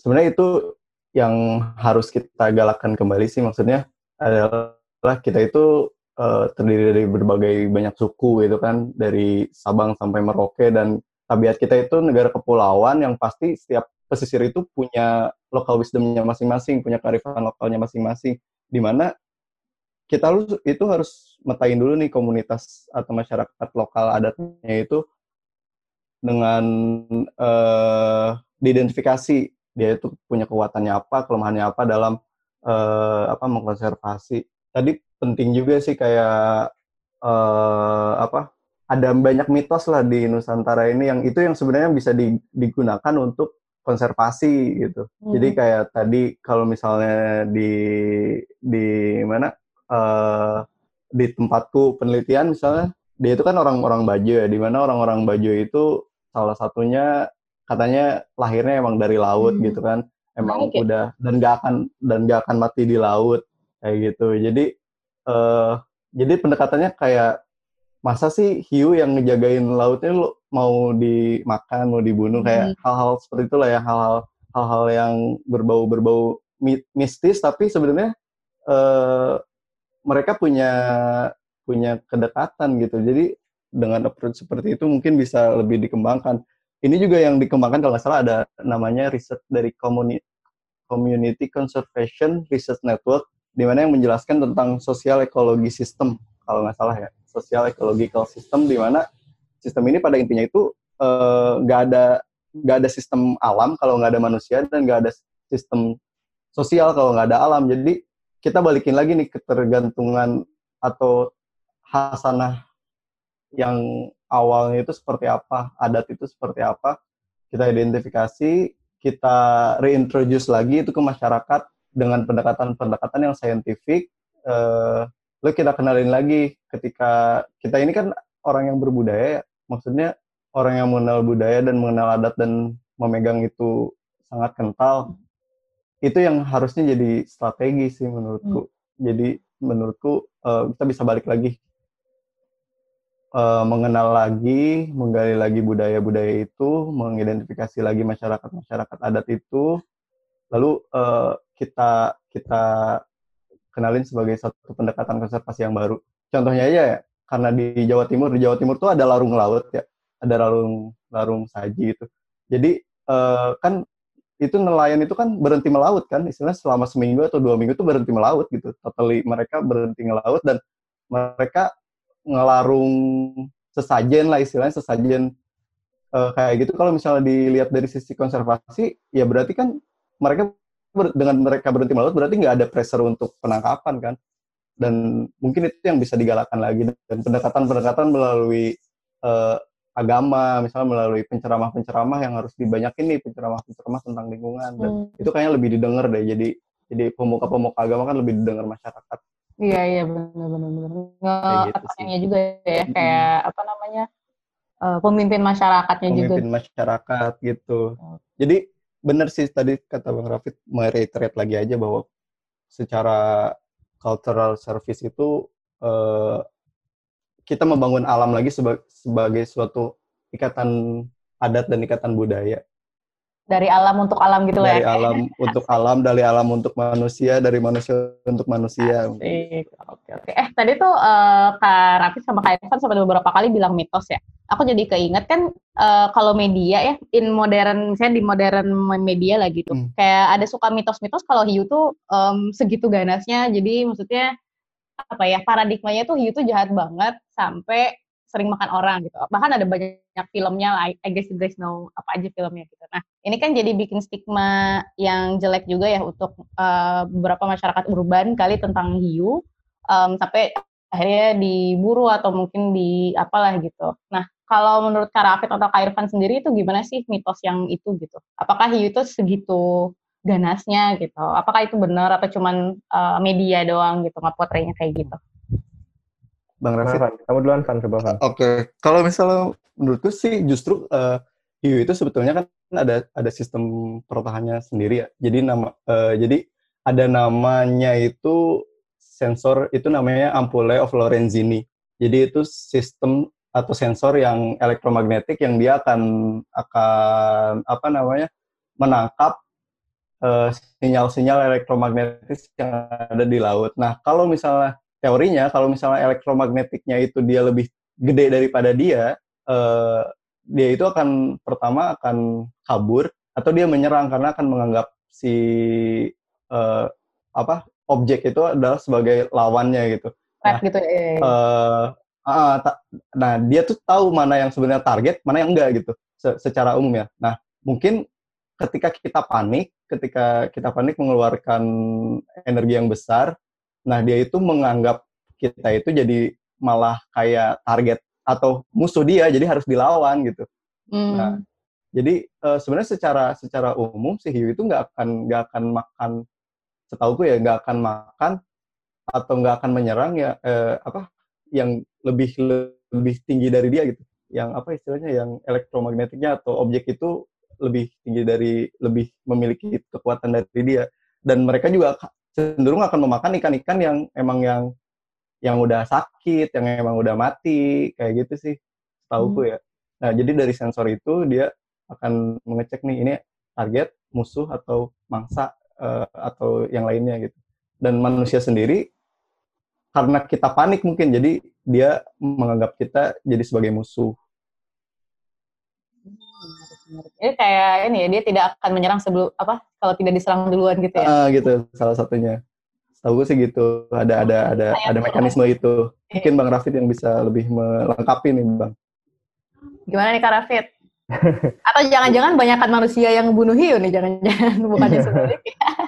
iya, benar, benar kata Irwan tadi sih. Jadi kalau dari sisi uh, fisiologinya si hiu itu itu ya si ampule Lorenzini itu nggak bantu dia ngedeteksi apakah ini ancaman atau bukan gitu ya dan uh, misalnya kalau kalau yang stigma itu kan sebenarnya dari dari film ya dari film Jaws yang kayak yeah. lagi berenang di laut dari bawah ada yang ada yang nyaplok gitu kan si hiunya dan dan uh, itu bikin paranoid tersendiri gitu ya dan padahal yeah. kalau dari si Ampula tadi ya pas kita berenang di laut hiunya sebenarnya ada di situ gitu tapi uh, karena mungkin dari sensorinya mereka mengidentifikasi ah ini bukan ancaman atau uh, ancaman tapi uh, akhirnya mereka malah kabur gitu ya lari dan dan bukannya nyerang gitu uh, apa uh, dari dari responnya mereka di uh, secara umum gitu ya dan uh, jadi sebenarnya jarang banget sih kayak kasus serangan hiu uh, serangan hiu ke manusia gitu ya. Jadi kayak dalam setahun mereka nge, nge fatal, serangan fatal tuh kayak cuma 10 12 kasus ya dan kalau dibanding sama kasus lain mungkin uh, lebih banyak kasus manusia yang mati keseruduk sapi atau uh, karena malaria digigit nyamuk, digigit nyamuk kayak gitu, ketiban, ketiban kelapa dan itu uh, lebih banyak kasusnya dibanding di serang hiu gitu ya. Dan uh, apa uh, gue ada pengalaman satu ini pas lagi di Alor ya waktu itu pas uh, kerjaan gue kan jadi sehari-hari ini ya apa mancing bareng nelayan gitu kan. Dan ketika nelayan dapat hiu uh, gue ini ya gue gue tag terus gue lepasin gitu kan. Dan satu waktu tuh mereka dapat ini dapat ikan ikan mola ya uh, kalau kalian tahu ya mola mola uh, ikan terbodoh di dunia ya. Di bawah dekat ya Gak iya, boleh main hewan. Disebutnya enggak disebutnya ikan bodoh memang eh, apa eh, sama orang alor ya. Disebutnya ikan bodoh karena eh, mm, karena mereka bodoh-bodoh gitu lah jadi kayak eh, si nelayan ini nggak sengaja dapat gitu ya eh, dan eh, karena ukurannya besar kan ya ikan mola juga kan salah satu apa ikan ter, terberat di ikan terberat di dunia ya. Jadi kalau ikan bonifish ya bonifish ikan bertulang jati terberat gitu. Dan waktu itu pas nelayan dapat itu uh, karena dia ngelawan kan si ikannya kapal nelayan yang kita tumpangin itu ini hampir tenggelam. Jadi ketarik karena dia narik ke bawah kan jadi miring sebelah gitu. Dan dan airnya tuh udah masuk semua ke ke kapal gitu udah oleng hampir setengah tenggelam. Akhirnya sama si nelayan itu bukan dilepas karena dia bilang ini kan masih lumayan ya dijual bisa dapat 400 ribuan gitu. Terus akhirnya dia ini apa di dia ambil parang gitu ya di ditusukin ke si ikan molanya ya. Jadi dia angkat sedikit ditusuk uh, supaya dia berhenti gitu kan uh, biar mati duluan gitu. Terus darahnya kan ada banyak ya di laut gitu. Terus uh, karena gue penasaran gitu pengen lihat dari bawah. Izin ke si bapaknya pak saya boleh turun nggak? Saya mau foto gitu dari bawah. Si bapaknya ngeliatin doang dia bilang dia nggak bilang apa apa gitu. Uh, gimana pak? Boleh nggak saya turun ke bawah? Gitu. Terus ya udah turun aja dia bilang kayak gitu kan. Akhirnya turun lah pas turun itu emang ada rasa-rasa aneh gitu kan uh, karena uh, tempat mancingnya itu kan di, di apa di, di di ini ya di tengah laut gitu kan. Jadi ke bawah kan dalam kan jadi kayak biru biru gelap menyeramkan gitu kan. Hmm. dan darah tuh banyak banget di sekitar kapal itu. Terus uh, pas gue lagi foto-foto lah sebentar gitu kan ada rasa-rasa aneh gitu kan. Ini kok perasaan nggak enak ya di pas lagi berenang biasa ikannya nggak kayak gini gitu. Terus udah um, ikannya kan agak-agak lemes gitu kan. Akhirnya kita balik tuh abis si bapak dapet itu karena main gede kan. Jadi kayak itu juga udah struggle kayak dia ngebawanya itu kayak si ikannya masih nyoba ngelawan sampai mesinnya nggak kuat gitu ya. Terus pas sampai darat uh, abis bersih bersih tuh si bapaknya udah bawa kan terus istrinya datang uh, apa uh, motongin dagingnya si ikan itu. Terus dia bilang gini mas tadi tuh pas mas turun ke bawah itu ada hiu besar dia bilang di belakang kata si bapaknya. Uh, dia, dia bilang itu hiu ini hiu macan ya tiger shark ya dan itu salah satu spesies yang ini sih yang memang agresif terkenal ya, ya. Uh, terus uh, cuman saya bingung bilangnya takut mas nanti lari dia bilang kayak gitu kan. Mas habis lagi foto-foto di bawah itu dia ada keliling-keliling di belakang mas bilang kayak gitu. Aku nggak lihat pas pas ini ya. Jadi uh, apa hiunya udah dari sana gitu. Terus uh, tapi nggak dia dia nggak ngapa-ngapain gitu. Dia dia dia cuma tertarik dengan darah dari si ikan itu ya. Dan uh, apa untungnya memang dia nggak nyerang gitu ya. Nggak nggak mistaken gue sebagai ikan karena kan udah nyampur nyampur tuh darahnya gitu. Dan iya. nggak apa-apa gitu. Tapi memang memang agak ngeri sih. Dan dia bilang itu memang hiu besar ya. Dia ukurannya hampir se ini setengah setengah dari ukuran bodi kapalnya gitu uh, kayak gitu sih jadi kayak memang kalau misalnya mereka ngelihat itu bukan sesuatu yang menarik perhatian mereka juga mereka nggak akan nyerang gitu. Terus ada ada satu example lagi sebenarnya di Raja Ampat waktu itu hiu-hiu kecil ya, hiu black tip namanya hiu karang. Itu nggak sengaja ngegigit tangan turis ya. Tapi salahnya itu salah si turis karena dia habis makan ikan uh, pakai tangan. Terus dia nggak cuci tangan dulu pakai sabun gitu ya. Jadi bau-bau ikannya masih ada di tangan dia. Akhirnya si hiu itu nyangkanya itu tangannya dia itu ini ikan. Dihajar lah hiu karena berkelompok kan si hiu karang ini. Jadi tangannya sampai hancur waktu itu si orang ini si turis ini. Cuma dia ngaku dia bilang ini bukan salah hiunya itu salah dia lalai gitu. Uh, tangannya masih bau amis tapi dia udah berenang gitu ya di, di sekitar karang. Airnya ya serang gitu. Tapi emang kayak gitu sih. Jadi memang ya kalau apa uh, jarang banget sih kasus-kasus ininya kasus-kasus penyerangan hiu gitu. intinya kalau nggak diganggu sih dia nggak akan ngeganggu gitu sih. Ya. Ada juga ya, contoh bener. yang di Takabonerate tuh, jadi di Takabonerate itu ada satu pulau namanya Tinabo. Jadi di Tinabo itu bisa dicek. Jadi di situ kayak gerombolan baby shark gitu. Nah, oh, jadi ada turis, uh, ada turis. Du du du du. Itu dudu-dudu nggak? Dudu-dudu-dudu dong. Lalalalalalalalen gitu. Iya, Lucu banget Irfan. Besok ada lagi ya. Jadi gitu, jadi ada ada turis megang karena dia bergerombol gitu kan, kalau misalnya lagi pasang tinggi itu dia tuh sering ke ke pantai gitu. Jadi kalau di Tinabo itu emang terkenal gitu ada baby shark bisa dicek nah jadi si ekornya itu dipegang lah sama si turis terus digigit Wah, aduh serem jadi, juga ya jadi ya jangan mengganggu kalau tidak ingin diganggu. Hmm. Ya. Pokoknya hukum alam gitu lah ya. Hukum alam gitu. gitu. Ini tidak hanya ini tidak hanya terjadi pada relasi ini ya manusia dan ya, hewan manusia aja. dan hewan aja gitu. Tapi juga jangan julid kalau nggak mau dijulitin gitu ya. Iya. betul betul. Benar put. Ada eh, kan? berarti... kalau di video ada di episodenya Nat Geo tuh pernah kan ya satu ini kan? Uh, apa orang mau ini ya mau spear fishing ya nombak ikan tapi si hiunya malah mau gigit dia. Itu ini siapa uh, satu status uh, kasusnya karena si hiu itu ini udah tua uh, dan dia mencari ini ya mencari apa keterangan di Nat Geo ya. Uh, dia mencari uh, mangsa yang less ini ya less less energy spend ya. Jadi kayak mm -hmm. efisien gitu lah karena dia udah tua terus udah apa nggak bisa menghabiskan tenaga segitu banyak akhirnya dia ngelihat manusia ini sebagai sasaran empuk dia gitu. Tapi nggak diserang gitu dia cuma kayak dia kayak coba mencoba menyerang tapi karena si manusia ini punya spear dia tusuk-tusuk aja si hiunya dan uh, akhirnya dia lari juga si hiunya kan. Terus yang kedua ketika apa ketika dia mau nombak itu di di kawanan ikan-ikan itu si hiunya ini apa uh, hiunya udah nyasar ikan duluan. Uh, apa dan dan uh, pas ditombak ada darahnya itu ya dia dia ngikutin gitu kan ngikutin itunya. Tapi malah jadi kayak mistakenly malah ngegigit si manusianya gitu. Ya, jadi ya. Hmm, tadi sih tertarik dengan hal-hal lainnya. Oke menarik menarik. Eh, nah, berarti ya lanjut kali ya. dulu deh. Ya lama kali ya. Ya nggak aku ini mau nanya soal kalau di film tuh kan suka dikasih gambaran kalau misalnya kita apa ngeluarin darah gitu. Manusia ngeluarin darah itu kan katanya hiunya jadi agresif dan mau makan kita gitu kan. Berarti hmm. itu sebenarnya nggak bener-bener banget ya karena mereka maunya itu justru uh, darah dari mangsanya atau gimana sih? Berarti kesimpulannya. Iya itu menarik sih. Ada ada ini ya studi yang mencoba menjustify. Mungkin Irfan bisa cipin juga kalau informasinya agak kurang. Jadi sebenarnya si hiu itu tertarik dengan darah ikan ya. Jadi hmm. sensorinya dia bisa mengidentifikasi darah ikan. Kalau darah manusia itu emang ada studi yang kayak dicobain gitu ya uh, ditetesin darah iya. manusia di kolam berisi hiu gitu. Hiunya sama sekali nggak merespon dia nggak bisa oh. Nah, terus ada berarti kita kan, aja yang suka kepedean gitu ya. Iya kita suka kepedean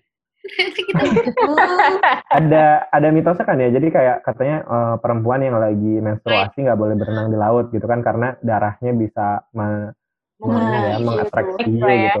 Tapi padahal enggak itu cuma mitos aja gitu enggak Gak, oh gitu. Ini gak tertarik. Hmm. Mungkin lebih ke arah hygienity kali harusnya. Jadi kalau lagi, itu lebih cocok gitu kalau misalnya perkara hiu kan hiu aja nggak doyan nama kita. Mohon maaf nih jangan GR.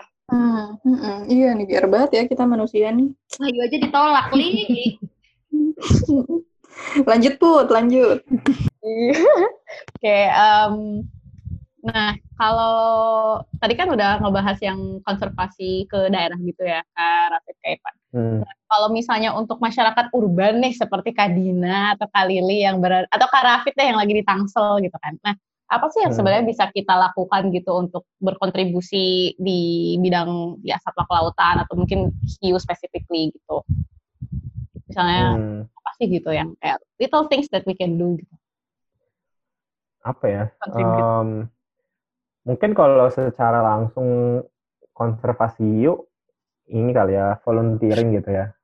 Kalau misalnya punya waktu dan dan dan ketertarikan yang tinggi gitu ya untuk volunteering bareng uh, organisasi konservasi gitu untuk campaign uh, dan mungkin kalau misalnya ada keluarga yang masih relate dengan tradisi tradisi yang uh, apa mengkonsumsi hiu gitu ya mungkin keluarganya ada yang keturunan Chinese dan uh, orang tuanya yang uh, nenek moyang nenek moyang neneknya yang uh, masih hidup sekarang masih kayak mengkonsumsi sirip hiu untuk untuk tradisi itu mungkin kayak sedikit-sedikit dikasih pemahaman gitu ya ada, tentang bahayanya mengkonsumsi hiu atau uh, impactnya sirip hiu itu terhadap terhadap terhadap populasi hiu secara umum gitu ya. Uh, terus um, mungkin yang paling list ininya mungkin donate ya donate ke cause hmm. uh, konservasi gitu. Karena sebenarnya organisasi konservasi seperti project saya ini membutuhkan uang.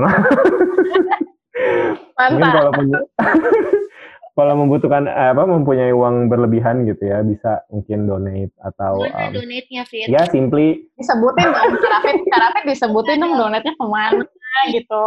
Biar bisa, bisa. Ini penonton kita sampai Amerika Oh iya luar biasa memang. Uh, bisa donate ke Treasure Shack ID ya Treasure Shack ID di Instagram bisa lihat di sana. Uh, tapi mungkin kayak eh, for the list itu ini selain donate bisa juga cuma sharing ini ya bantu campaign di social media uh, kayak uh, kenapa sih penting hiu dilindungi kayak gitu. Uh, kayak gitu sih paling. Kalau yang jauh ya dari laut memang susah sih kayak kalau misalnya udah nggak relate ngapain sih apa kita peduli peduli banget gitu soal yeah. hiu uh, bukan isunya soalnya gitu ya bukan isu uh. Jangan lupa oh, ya, ya. donasi Putri, treasureshark.id.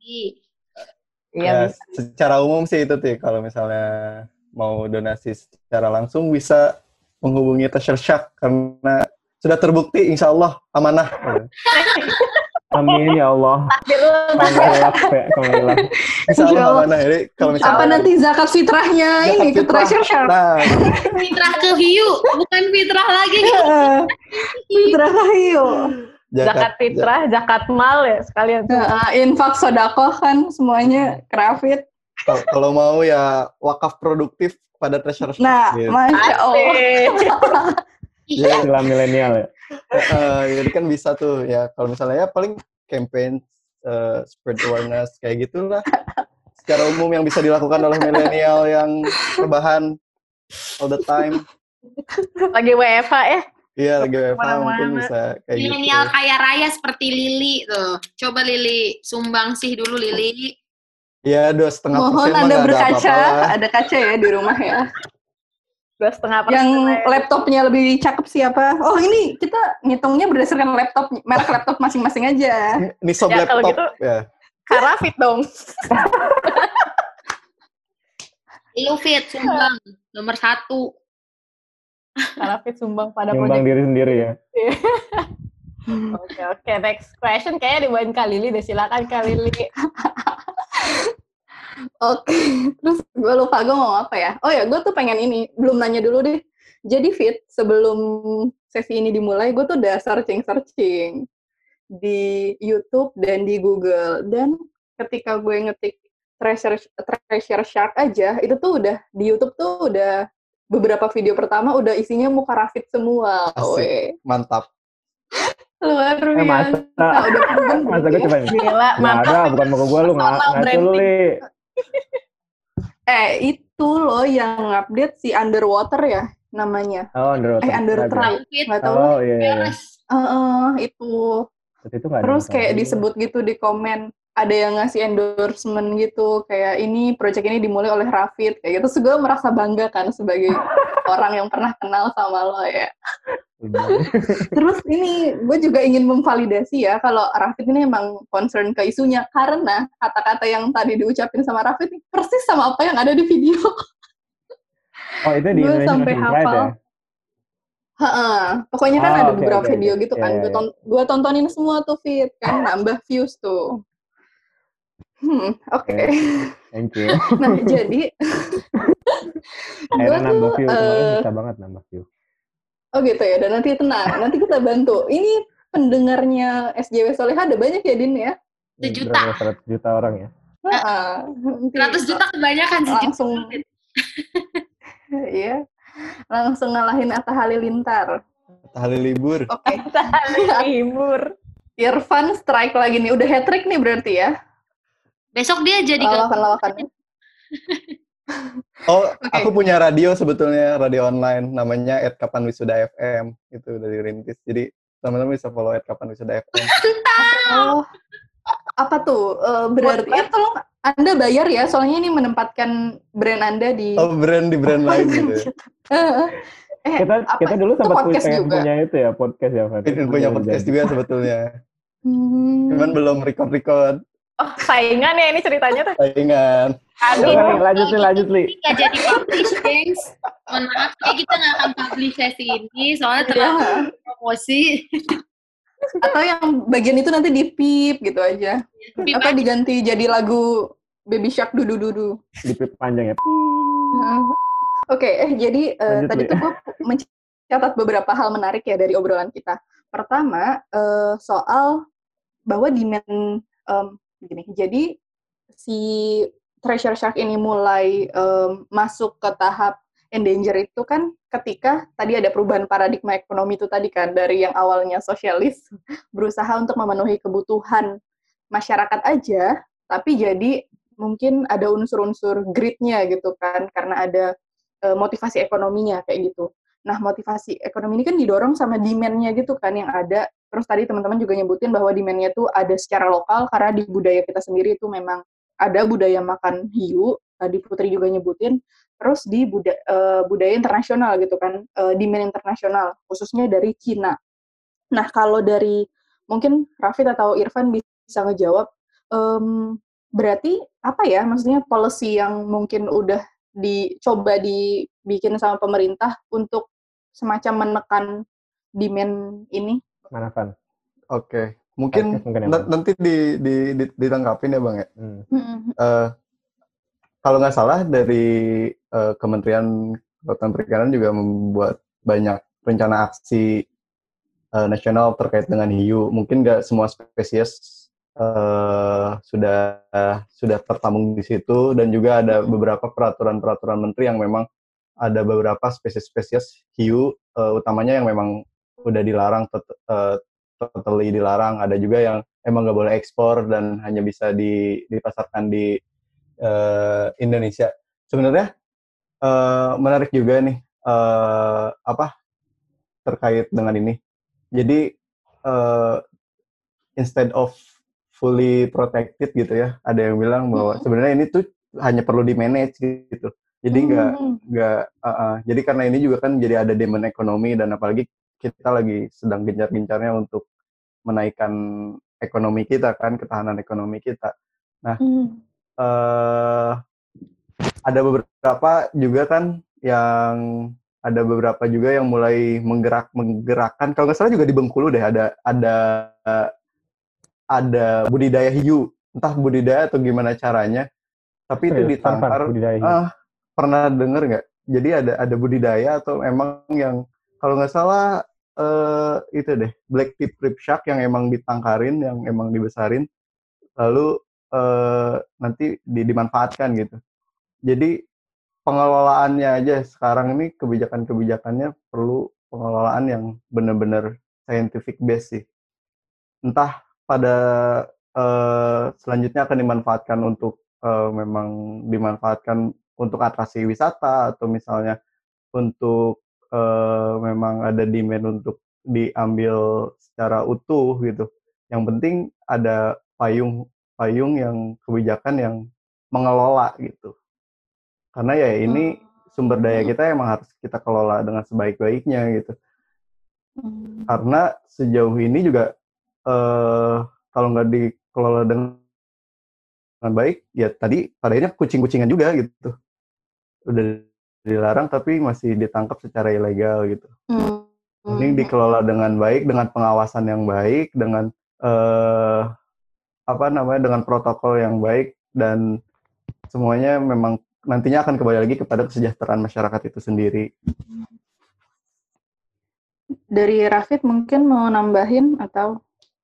Hmm, benar kata Irfan tadi ya sebenarnya uh, ketika kayak kasusnya di Lama Kera gitu, ketika dilarang tapi kita nggak disupport dengan uh, baseline informasi yang kuat gitu ya, malah jadi unintended consequences gitu ya, masyarakat jadi tetap nangkep dan malah jadi black market di uh, pasarin diam-diam dan segala macam gitu. Sebenarnya tadi yang lengkapnya dari Irfan sebenarnya eh, Indonesia tuh kalau dibanding negara uh, beberapa negara lain memang termasuk yang proaktif ya untuk untuk mengelola hiu. Per, pertama memang karena Indonesia kan tadi yang uh, aku sampaikan di awal tuh uh, negara nomor satu ya di dunia yang mengekspor hiu.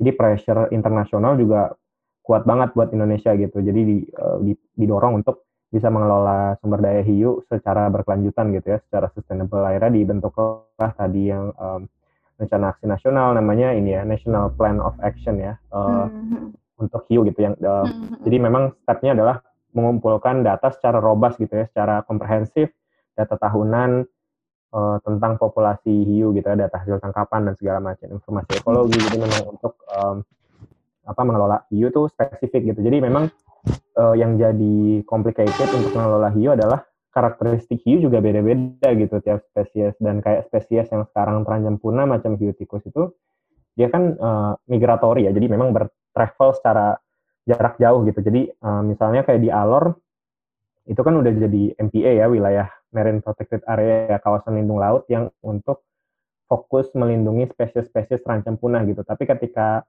uh, project uh, gue yang pressure project ini kan kita naruh penanda satelit gitu ya buat hiu memonitor sejauh apa sih dia bisa lari. Ternyata dia larinya jauh banget gitu sampai ke laut hmm. Tau dekat sampai uh, Timor Leste, terus dia lari ke atas sampai laut Banda gitu dan uh, bisa kayak bisa aja kita lindungi di Alor tapi ternyata dia lari keluar gitu dan uh, dan kita ah, nggak iya. mengcapture mengcapture rentang jelajahnya secara luas gitu akhirnya ya dia bakal mati juga di luar gitu dan itu jadi tantangan terbesar gitu. Tapi sejauh ini kayak um, pemerintah Indonesia dari dari RAN itu rencana aksi nasional itu memang udah setting ini ya prioritas kayak misalnya beberapa peraturan yang Irfan mention tadi ya ada uh, pengaturan kuota uh, beberapa spesies hiu macam hiu martil itu udah dilarang ekspor gitu. Jadi kalau misalnya uh, jadi sebenarnya agak rancu juga kayak jadi dia dia boleh ditangkap tapi nggak boleh diekspor gitu. Di lokal ya masih boleh diperjualbelikan cuman nggak boleh sampai keluar ininya apa produknya gitu. Dan si hiu tikus juga sebenarnya dia udah masuk ini ya dalam daftar CITES namanya ya convention uh, apa kan international trade ya. Endangered species, endangered species. Jadi, uh, jadi itu pengaturan di convention jadi gabungan beberapa negara untuk komitmen gitu spesies ini tuh udah terancam punah gitu nggak uh, nggak boleh dilakukan ekspor, boleh ekspor tapi ada kuota tertentu gitu. Tapi kembali lagi gitu untuk untuk me, mencapai um, supaya compliance gitu ya, supaya tercapai goalnya uh, harus strict gitu kan uh, monitornya, uh, jangan sampai bocor gitu. Jadi kayak kalau tapi misalnya dalam setahun cuma boleh mengekspor 10.000 ribu uh, ekor hiu misalnya, uh, gimana kita bisa menentukan itu 10.000 pas gitu atau di bawah malah. Dan uh, itu uh, panjang banget prosesnya gitu kan dan Indonesia masih mengusahakan itu gitu sampai sampai tingkat compliance-nya tinggi gitu. Dan uh, dan itu memang apa proses yang masih ongoing gitu. Dan uh, apa ada juga kayak organisasi internasional kayak Regional Fisheries Management Organization kayak di Indian Ocean gitu ya di Samudra Hindia dan uh, West Pacific uh, apa uh, Fisheries uh, WCPFC namanya organisasi yang memang juga mengadvokasi gitu. Uh, mereka fokus ke tuna, tapi karena si hiu banyak hiu yang berasosiasi dengan perikanan tuna gitu ya, jadi kayak uh, perikanan skala besar mau maunya nangkap tuna gitu, tapi ternyata si hiunya nggak sengaja ketangkap dan akhirnya jadi mati juga dan um, organisasi semacam itu yang uh, RFMO itu namanya Regional Fisheries Management Organization itu mengadvokasi pokoknya kalian kalau mau nangkap tuna harus diatur gitu. Jangan sampai ada hiu yang mati kayak gitu. Dan dan uh, apa dari dari ini ya. Jadi kayak international regulation itu diadopsi sama Indonesia gitu. Jadi kalau untuk hiu tikus juga salah satu kasus yang kayak gitu gitu. Jadi dia sering banget ketangkap sama sama perikanan tuna. Akhirnya diadopsi lah uh, resolusi dari RFMO itu untuk yang uh, diadopsi jadi ke keputusan menteri kalau saya Kepmen nomor 23 tahun 2012 gitu ya. Tapi itu juga belum holistik gitu. Dan uh, hmm. apa jadi kayak uh, isi peraturannya itu adalah gini, uh, kalau misalnya dapat hiu tikus yang hamil gitu ya, hmm. dan masih hidup, itu wajib dilepas gitu. Tapi kalau misalnya udah ketangkap dan terlanjur mati, itu wajib didaratin, disimpan gitu ya, jangan dipotong dulu, didaratin secara utuh sampai pelabuhan dan dilaporin nanti ke ini ke inspektur pelabuhan yang ada di sana gitu untuk memper mempermudah pencatatan gitu karena mereka perlu itu untuk melaporkan ke RFMO gitu kan karena kalau misalnya hmm. nggak nggak compliance dengan RFMO, nanti bisa ada penalti juga gitu dari RFMO. Jangan nanti bisa kuota tunanya diturunin atau kayak gimana gitu dan dan hmm. apa? Dan itu baru untuk perikanan skala besar gitu ya. Jadi kayak perikanan industri yang ratusan ton, gross ton gitu ya, uh, 100 hmm. gross ton lebih. Tapi kalau perikanan skala kecil yang macam nelayan-nelayan di kampung-kampung yang nangkep juga itu nggak tercatat sama sekali dan dan peraturannya sama sekali nggak berimpact sama mereka gitu. Tapi padahal kalau dikalkulasi kayak total jutaan nelayan kecil di Indonesia, bayangin aja kayak di Alor misalnya dalam setahun mereka bisa dapat 300-400 ekor si hiu tikus gitu. Itu baru baru hmm. baru satu kampung aja gitu, satu dua kampung. Belum lagi desa kayak di Adonara mungkin ada juga yang dapat hiu tikus tapi nggak dilaporin gitu kan atau kampung-kampung lain di sekitar NTT yang nggak dilaporin juga gitu itu kalau diakumulasi ya besar juga impactnya gitu kan tapi belum ada sama sekali yang kebijakan yang bisa menyentuh itu gitu uh, jadi memang apa uh, model-model kebijakannya juga akan beda lagi nanti ke bawah di tingkat itu uh, gitu. jadi memang kompleks banget ya jadi kayak susah banget mau ngatur si hiu ini gitu ya. Jadi kayak dan dan dan itu baru satu spesies gitu. Iya, baru satu spesies dan itu baru isu hiu aja gitu, belum isu yeah. perikanan perikanan yang lain. Betul dan dan uh, apa dengan dengan kita yang pulaunya ada puluhan ribu, terus uh, resources yang demikian beragam dan masyarakat yang sedemikian beragam kebutuhannya. Jadi uh, itu bakal emang jadi proses panjang sih untuk mencapai the idea of sustainability gitu ya. Hmm, berarti memang butuh pendekatannya multidisiplin banget ya kalau misalnya kayak gini.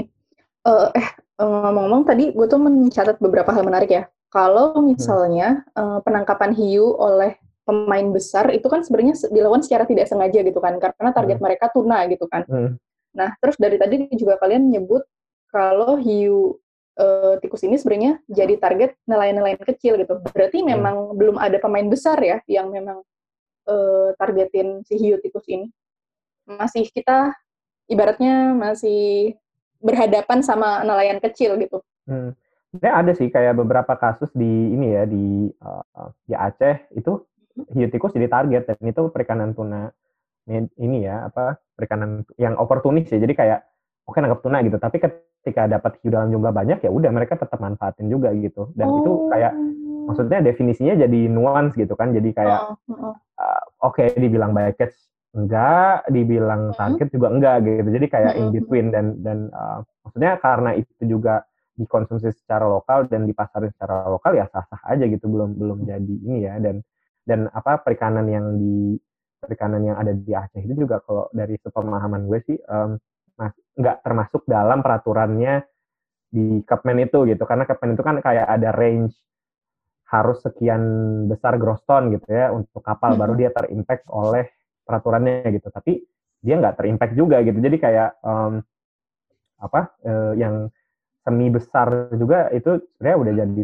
target sih kalau kita bluntly ngomong gitu ya kayak ini udah target ini karena udah uh, dapatnya dalam jumlah banyak dan akhirnya juga dimanfaatin gitu kan dan uh, jadi oportunis hmm. gitu perikanannya uh, hmm. dan kayak di Cilacap juga ada gitu dan uh, apa uh, di, dijadiin perikanan target juga gitu ya karena mereka udah tahu fishing groundnya gitu kan istilahnya hmm. kayak tempat mancingnya oh nih hmm. tiap bulan mereka biasa dapat banyak banget nih gitu. Jadi dan mereka itu udah jadi kayak main uh, jadi apa jadi plan gitu ya. Oh bulan ini nih bakal musim hiu tikus nih kayak gitu. Kita ke tempat sana aja gitu. Dan bisa aja itu dilaporin kayak kayak tadi kan peraturannya juga kayak ini ya apa kalau misalnya dapat masih hidup dilepasin. Tapi kan kita nggak tahu pas mereka dapat itu sebenarnya bisa aja masih hidup gitu kan. Mm-hmm. tapi mereka bilang aja ntar di port eh, ini udah mati kayak gitu. Udah terlanjur mm-hmm. mati ya udah kita daratin aja kayak gitu kan karena nggak ada juga sistem surveillance di kapal di kapal untuk lihat itu ngejustify gitu. Iya nggak ada surveillance ya, kan? jadi uh, jadi makanya di apa CRFMO ini juga jadi lagi mencoba ini sih kebijakan ada namanya fisheries observer ya. Jadi ada observer mm -hmm. kapal yang ditempatin untuk mengensure mereka comply dengan peraturannya gitu. Tapi itu juga bakal bayangin aja ada berapa kan mungkin ratusan ribu kapal ratusan ribu ya, kapal oh, yang mm-hmm. dan satu apa satu satu satu kapal itu kayak mereka bisa trip enam bulan gitu. Dan si fisheries observer ini harus, harus di atas trip kapal, 6 bulan. ikut trip enam bulan dan dan apa harus kita harus si yang naruh fisheries observernya itu harus ensure si fisheries observernya aman gitu ya bebas dari abuse terus dapat dapat uh, yang layak gitu kan uh, facility-nya dan lain-lain. Dan itu bisa kayak satu fisheries observer bisa 30 juta gitu dikaliin misalnya misalnya 30 eh, juta atau berapa uh, berapa puluh juta gitu ininya fee-nya terus dikaliin ratusan ribu kapal oh udah berapa itu untuk yeah. untuk meng-ensure sustainability-nya ininya ya untuk tadi buy catch you gitu dan um, dan itu bukan salah satu option yang uh, kalau misalnya gue pas pengalaman bareng dengan bekerja dengan pemerintah gitu itu itu salah satu opsi yang paling mahal gitu policy yang yeah, mahal betul. dan costly dan, banget itu ya. uh, dan itu costly banget dan jadi kayak makanya jadi ya udahlah mungkin itu bukan priority for now gitu ya. Jadi mm -hmm. uh, yang penting kita udah ada legal legal ininya, udah ada peraturan yang bisa mengcover umbrella. Tapi at the end implementasinya juga bakal extremely complicated banget gitu untuk bisa comply dengan peraturan yang dibikin. Oke, okay. oh, aduh, kebayang sih kalau jadi eh tapi menterinya bukan Aduh. oh. jangan dibahas ini bahaya. Sep sepertinya nomor satu gitu satu. Eh, nanti diedit nanti diedit. diedit jadi Oke, okay. eh uh, apa namanya? Jadi gue mau bahas sedikit lagi nih. Jadi itu hmm, gue ada tertarik lagi soal beberapa term yang kalian gunakan. Um, tadi tuh gue sempat dengar dari Irfan atau dari Rafid gitu, kalian menyebut berulang kali soal fisheries justice gitu kan. Nah kalau di gue, gue kan orang kriminologi kan. Hmm. Uh, kalau di kita kan mengenal istilah social justice gitu kan. Apakah uh, apakah aspek-aspek yang kalian punya di fisheries justice tuh mirip sama apa yang kita punya di social justice? Itu gue penasaran gitu. Emang uh, apa aja sih aspek-aspek uh, dalam fisheries justice tuh? Atau Fisheries justice itu apa sih sebenarnya? Gitu. Kenapa? Mungkin. Bang Rafid dulu deh. Kalau aku mereiterate seperti biasa. Ilmunya kurang tinggi ini mah kan yang udah deket banget sama bapak itu kan Bang Rafid. Apa? Uh, Wah, siapa tuh bapak? Bapak. Bahasa bapak yang biar yang lain paham tuh. Justice kan wow gitu. Iya. Jadi saya Fisher's Death itu juga salah satu isu yang gue baru-baru ini ya kayak mulai tertarik gitu. Um, mungkin kalau gue dan Irfan mungkin agak beda interestnya gitu. Gue Fisher's Justice tuh ketika gue mulai kerja di UNDP tuh um, tadi ya apa, um, gue banyak ber, ber, berinteraksi dengan pemerintah di level atas kan, um, yang levelnya udah tinggi. Dan itu berhubungan langsung dengan tadi uh, organisasi yang gue sebutin ya Regional Fisheries Organization di Indian Ocean, di West Pacific uh, uh, Fisheries Management Council dan lain-lain. Uh, dan hmm. itu uh, apa um, uh, ini ya jadi banyak isu kayak semacam slavery di fisheries gitu ya. Kayak tadi yang fisheries observer lah gue hmm, bilang. Uh, ketika si RFMO ini menerapkan oke okay, uh, Indonesia harus minimum 30% kapalnya tercover oleh observer kayak gitu. Terus um, apa ternyata ketika diimplementasi sekian persen banyak banget isu justice di sana gitu. Jadi si fisheries observer ini nggak diperlakukan secara baik. Bahkan kayak kasus-kasus sebelumnya uh, ini ya jadi kayak mereka nggak dikasih makan terus kerjanya dalam kondisi situasi yang uh, membahayakan gitu kan ya karena di tengah laut. Terus bahkan ada yang mereka sakit di tengah laut karena nggak bisa balik akhirnya mayatnya dibuang ke laut kayak gitu. Dan itu uh, apa jadi isu yang memang lagi emerging gitu. Dan uh, apa maksudnya end goalnya benar kan ensuring sustainability of the fish resources gitu ya. Jadi tadi yang meminimalisir bycatch hiu, terus memastikan bahwa uh, operasi pening, apa penangkapan ikannya uh, sustainable gitu ya, uh, sesuai dengan uh, hmm. apa aturan-aturan gitu ya, nggak pakai nggak pakai troll atau uh, harus ya segala macam lah aspek-aspek sustainability kayak gitu. Tapi uh, apa uh, si fisheries observer ini malah kayak menjadikan dirinya sebagai prone terhadap ini ya um, welfare issues ya. Jadi uh, tadi kayak bisa aja dia sakit di tengah jalan terus mati akhirnya mayatnya dibuang ke laut dan nggak ketahuan gitu dari dari si dari si apa si kapal perikanannya kayak gitu dan kasus banyak banget kasus slavery mungkin Lili uh, pernah ini ya slavery in fisheries gitu ya jadi kayak banyak kasusnya tuh kayak di Thailand gitu ya. Kalau misalnya kalian pernah baca buku uh, bentar gue lupa judul bukunya. Um, gue belum selesai baca juga. Um, ada judulnya tuh um, di Outlaw Ocean ya, uh, punyanya Ian Urbina. Itu mengcover seluruh isu fishery slavery ya. Jadi kayak misalnya uh, hmm. nelayan hmm. nelayan dari Thailand itu di human trafficking ya. human trafficking jadi mm-hmm. uh, nelayan untuk perikanan di uh, kapal Cina misalnya. Tapi itu dia undocumented gitu dan itu dia diambil dari perbatasan mm-hmm. antara Thailand sama Kambodia misalnya atau Thailand sama uh, Laos dan itu enggak dan apa mereka benar-benar stake ininya life-nya gitu ya. Jadi kayak mm-hmm. mereka uh, dibilangnya ilegal gitu, tapi mereka mm-hmm. dieksploitasi sama uh, perikanan perikanan kayak gitu dan dan um, apa isu-isu kayak gitu lagi ini banget lagi banyak di digalakin gitu ya untuk mm-hmm. memastikan bahwa uh, fisheries in slavery itu nggak boleh ada gitu untuk untuk praktis-praktisnya kayak gitu. Soalnya gampang banget ya uh, terjadi di situ.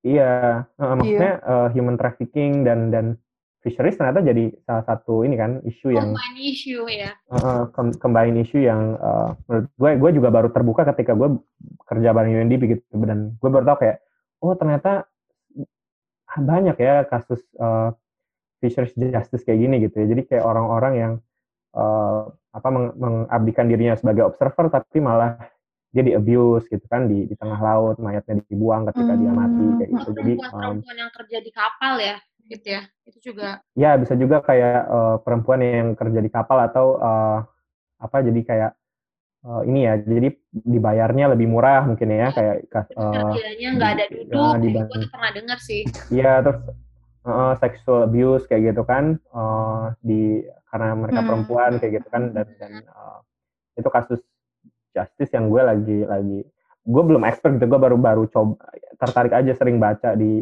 artikel macam Guardian atau di um, di uh, di apa di beberapa portal-portal berita yang memang cover kasus-kasus research justice gitu ya. Mungkin Irfan punya tanggapan lain sih. Hmm. Kalau tadi Bang Rafiq dari sisi mungkin dari sisi ABK ya yang uh, perikanan-perikanan yang skala besar yang juga lagi uh, isunya juga lagi hot-hot banget beberapa waktu ke belakang. Kalau aku sih lebih menyorotinya dari pemenuhan hak-hak masyarakat nelayan dan pelaku usaha perikanan sih, di mana salah satunya adalah hak-hak ruang untuk mencari ikan dan hak-hak ruang untuk hidupnya dia gitu yang sekarang tuh mulai tergerus. Meskipun uh, untuk kita ketahui juga bahwa uh, laut itu sekarang itu lagi ditata gitu kan. Ada namanya rencana tata ruang laut rencana tata ruang laut yang secara nasional juga sedang ditata dan di mana uh, beberapa peraturan diturunkan juga dalam dalam bentuk peraturan daerah. Nah ini atau yang sering disebut dengan RZWP 3K.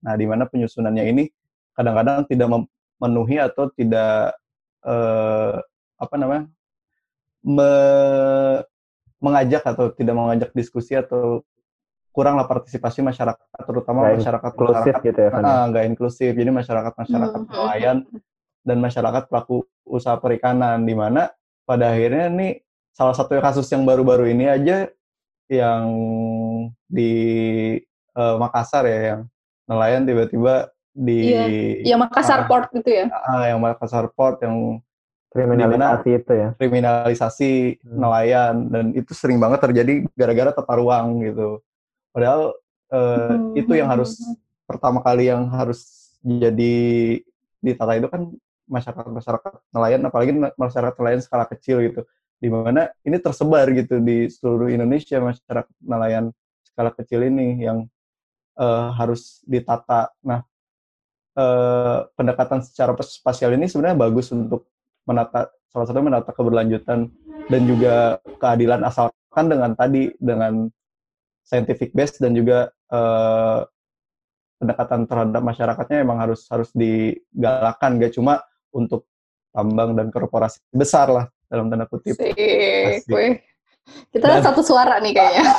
enggak, enggak, enggak, maksudnya itu juga penting, cuman kan harus harus sesuai lah penempatannya. Nah, kadang-kadang ini karena peraturannya ini diturunkan melalui peraturan daerah berdasarkan UU 23 tahun 2014 kalau nggak salah tentang peraturan daerah di mana 0 sampai 12 mil itu jadi haknya daerah dan daerah berdasarkan amanat mm -hmm. 27 2007 itu harus membuat mm -hmm. peraturan rencana zonasi wilayah pesisir dan pulau-pulau kecil. Nah, hmm. pengawasannya kadang-kadang meskipun di situ ada pemerintah pusat untuk eh, apa namanya bukan mengintervensi ya memberi masukan, tapi kadang-kadang kan intinya ya kembali lagi kepada tadi disebutkan juga bahwa kewenangan politik dari daerah itu sendiri gitu. Nah ini yang banyak kasus RZWP 3K ini pada akhirnya jadi uh, konflik gitu.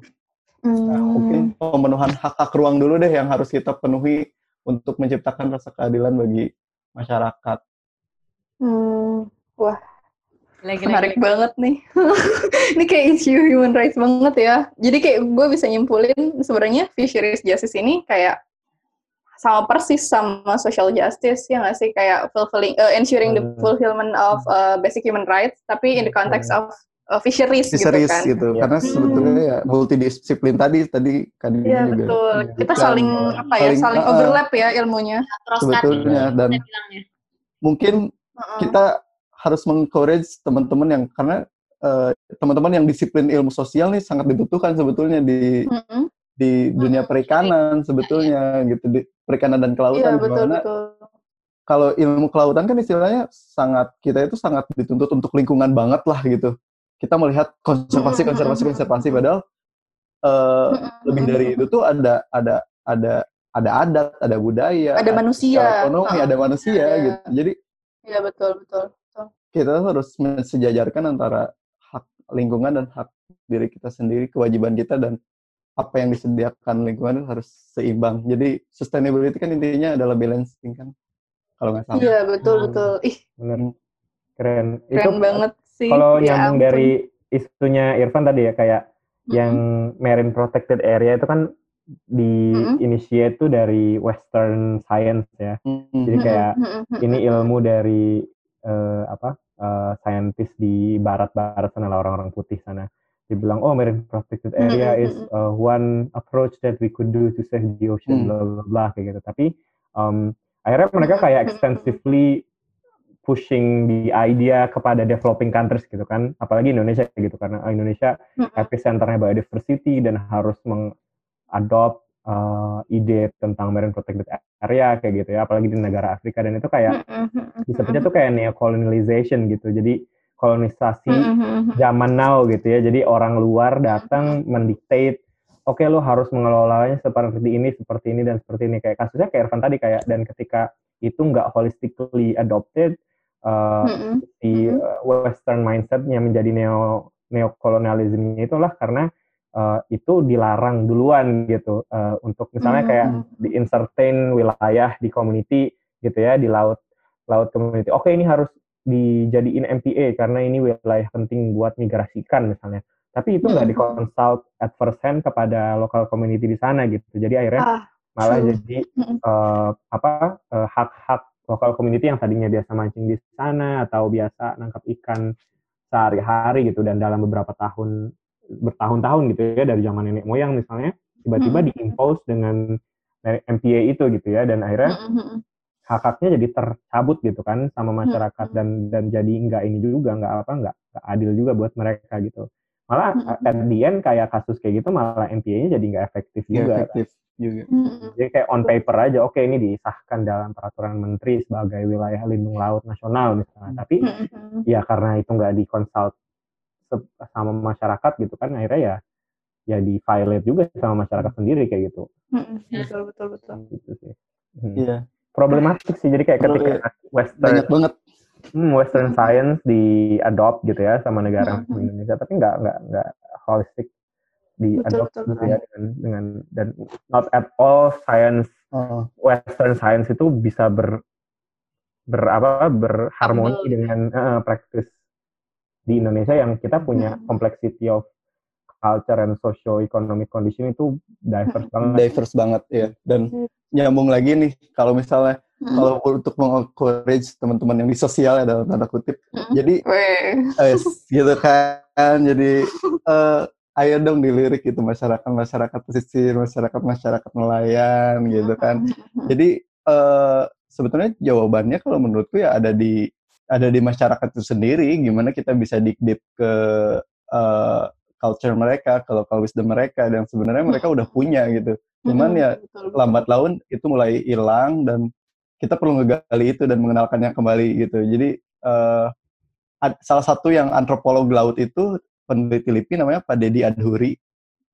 Itu kayak cuma dia doang gitu yang yang emang udah udah expert dan belum ada lagi nih yang lanjutin penelitian-penelitian terkait dengan masyarakat pesisir gitu yang emang secara fokus meneliti hmm. secara antropolog, secara budaya dan secara banyak pendekatan hmm. gitu. Jadi untuk me, hmm. tadi balik lagi untuk mendukung kawasan konservasi yang efektif ya harus dilihat juga dari karakteristik masyarakat di situ gitu.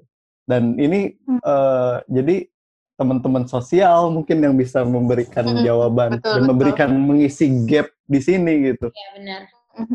Benar-benar. Jadi marilah kita mendukung kelautan dan perikanan Indonesia untuk menjadikan Mari. Indonesia poros maritim dunia. Iya.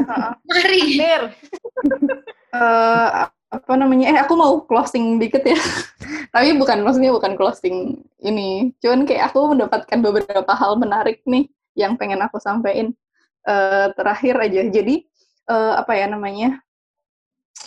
Um, berarti sebenarnya di ilmu marine conservation ini kayak nggak bisa semata-mata butuh orang marin aja ya, tapi harus ada keterlibatan antropologi tadi, betul, latar betul. belakang sosiologi juga sosiologi, bahkan.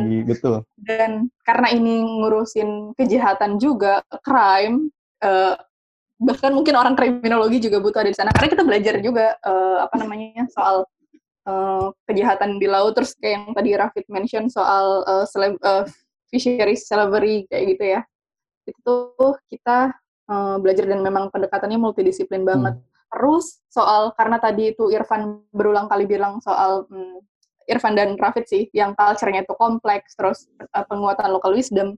Uh, bisa nggak sih kita bilang bahwa ya emang artinya um, harusnya perubahan sosial itu datangnya tuh dari masyarakat gitu loh, uh, localize, human centered um, ya. Uh, human centered, sifatnya pun localize gitu. Jadi nggak bisa one solution fits for all gitu, ya, fits for betul. all gitu ya kan. Hmm, karena harus kembali lagi ke konteks wilayahnya, harus kembali lagi ke konteks daerahnya kayak gitu-gitu. Hmm.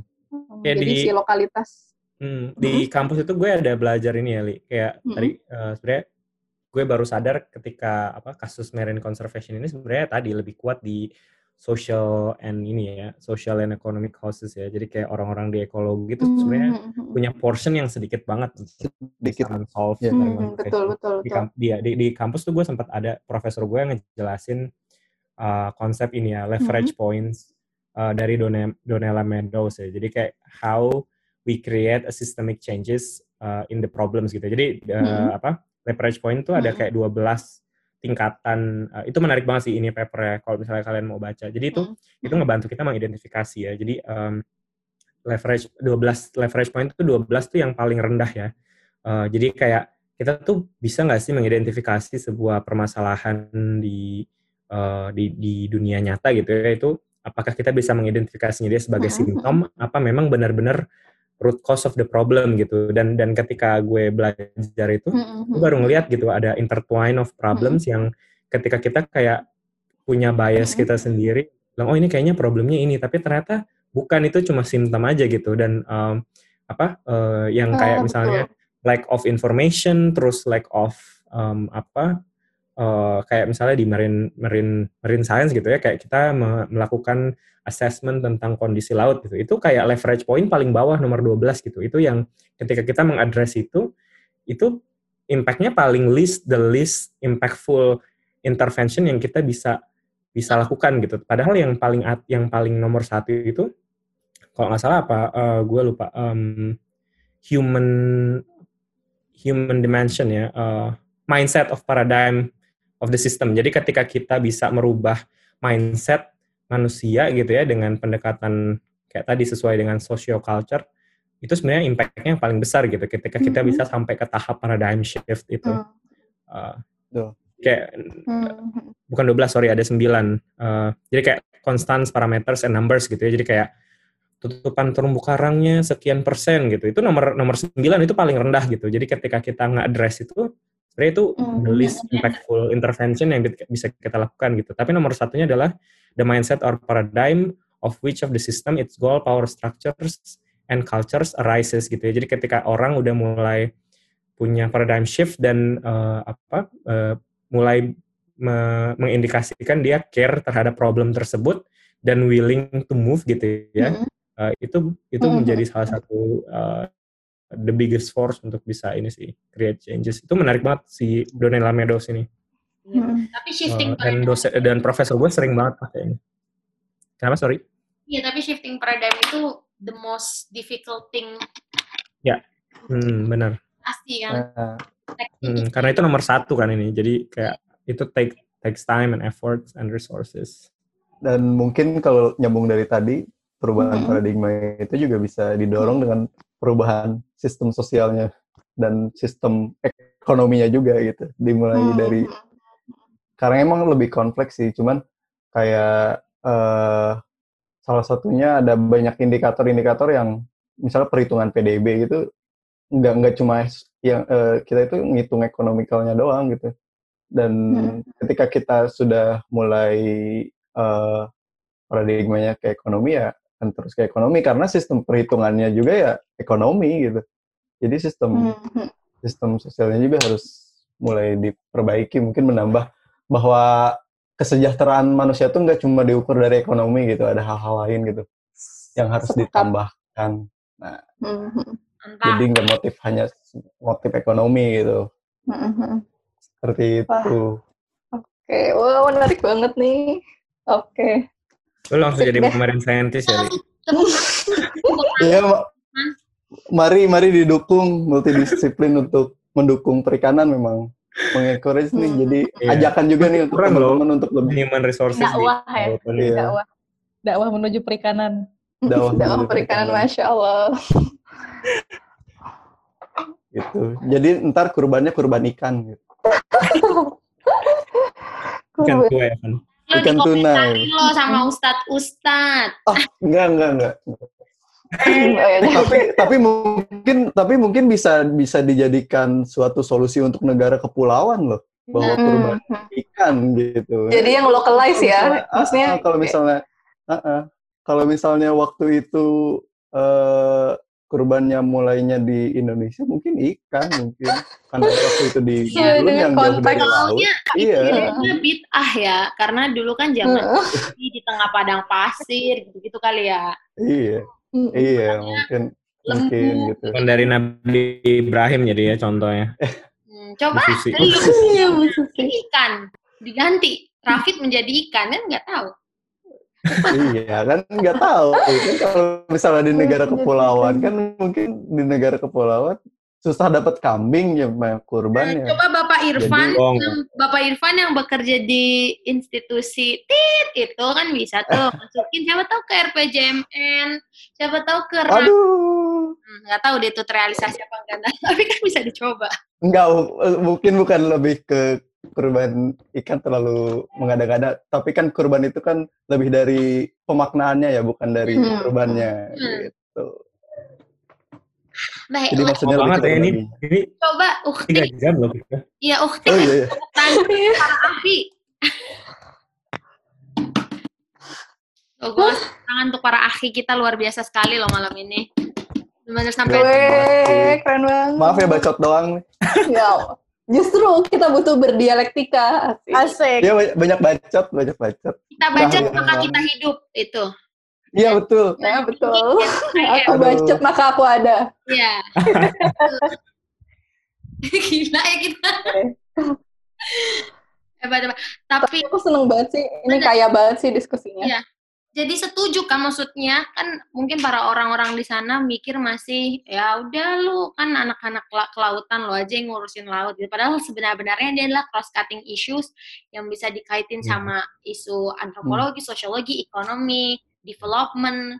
Jadi di dalamnya kan hmm. ada dia, di dalamnya ada uh, kesejahteraan ekonomi yang di mana kalau dikerjain cuman sama orang kelautan doang misalnya mungkin kan akan hmm. kurang kaya isunya gitu akan ya. kurang kaya cara-cara penyelesaian masalahnya makanya betul, betul. working hand in hmm. hand kan kalau berhubung tadi ya sorry nih nyamuk lagi tadi yang poinnya Dina sebenarnya project gue ya treasure project ini yang benar-benar backgroundnya marine science gue doang loh gue hmm. dong tim member gue iya tim member gue sisanya satu itu uh, dia orang communications satu uh, dia orang ini uh, community development. Satu wow. dia uh, environmental sociologist.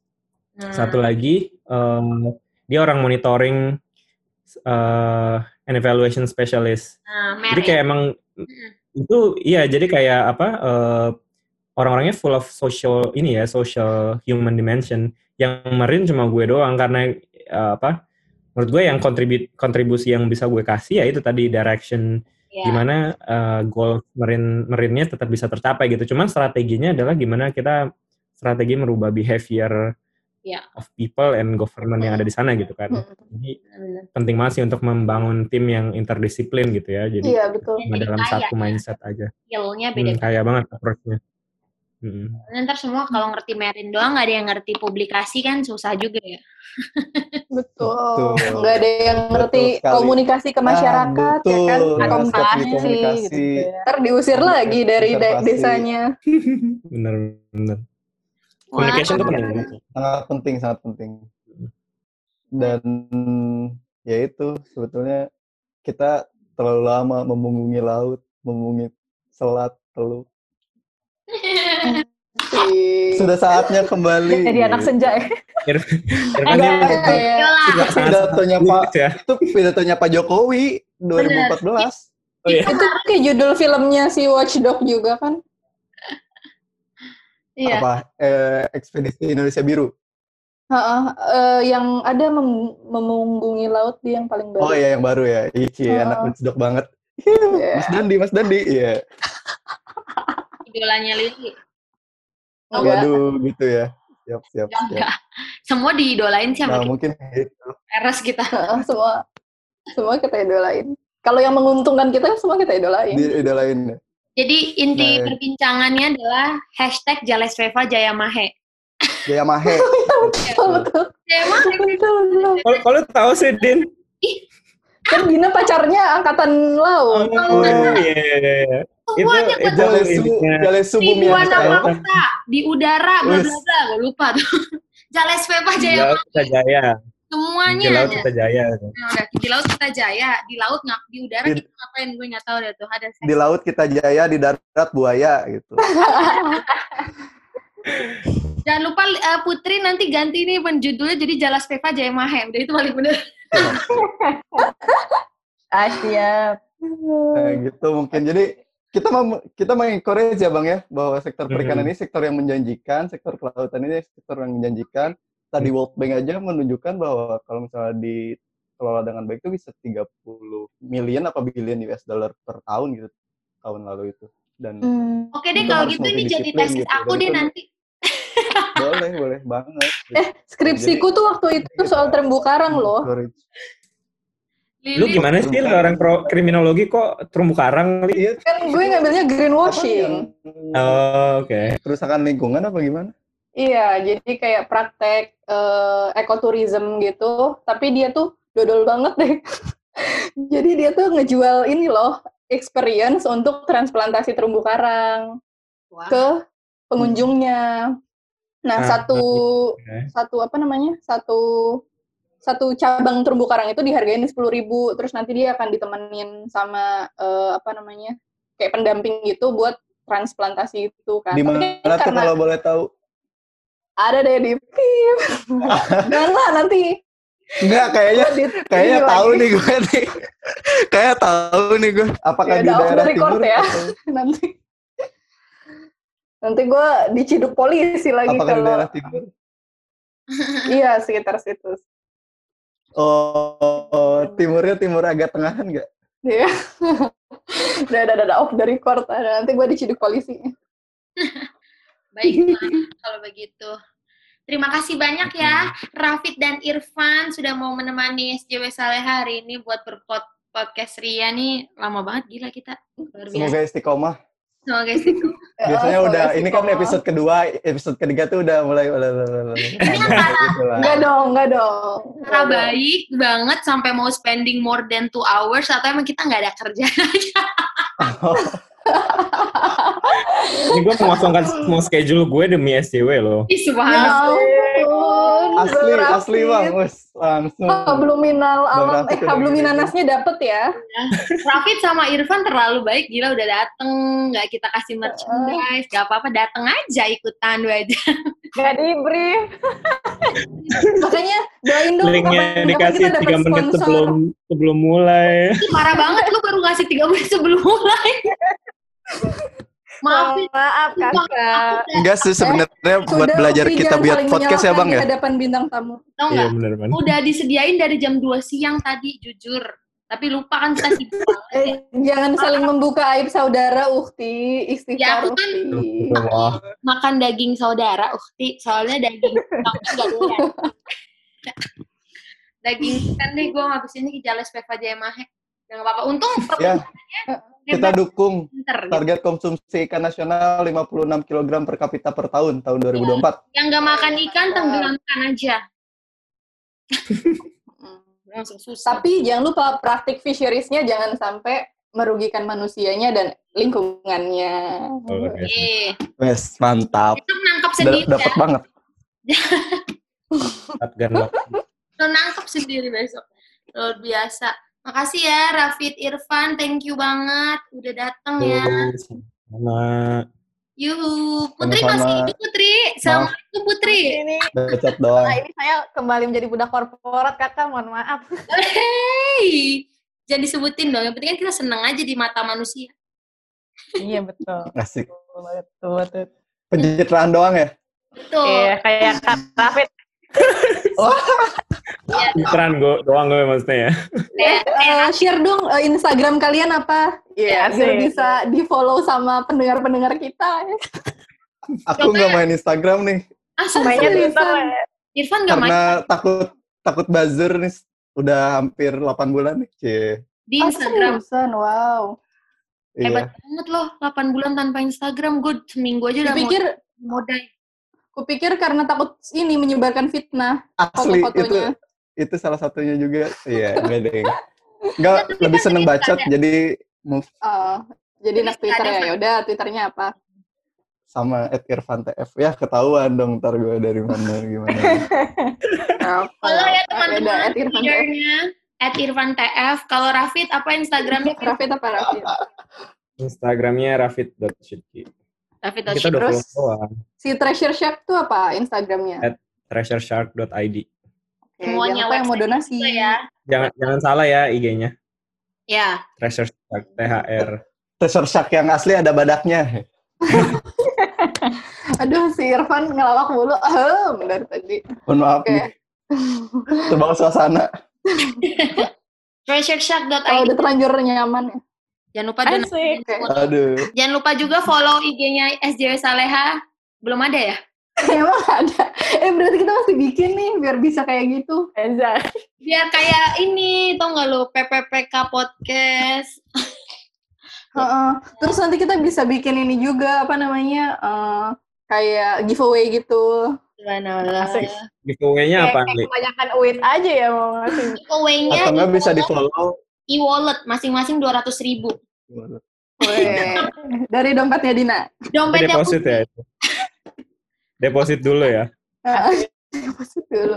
Bisa di follow at kapan wisuda FM. Nanti Oh, iya. akan mengudara. Oh ya, Boleh, boleh. tentu, tentu.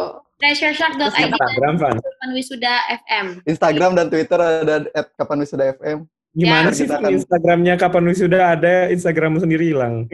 Karena dia Justru menggunakan pakai Instagram itu. itu menggunakan Instagram itu dia, pakai platformnya emang. Iya betul. Ya, Yo, Kalau begitu kita tutup dulu perbincangan dua jam setengah almost three hours ini. Selamat malam Bapak Ibu, Ukti Oke. Aki. Semoga mimpi indah malam ini setelah ngomongin konservatori dan makin Conservation. eh conservation kok konservatori konservatori ini dong Britney Spears jadi jadi semoga kita makin berjaya juga di laut dan makin banyak orang yang lebih peduli akan isu lingkungan perikanan dan kelautan amin Iya. ya Rabbal Amin ya Allah. Amin. Takbir. Takbir. Terima kasih Rafid dan Irfan. Oh, sama-sama. Dadah. Dadah. Assalamualaikum. Dadah. Sampai jumpa.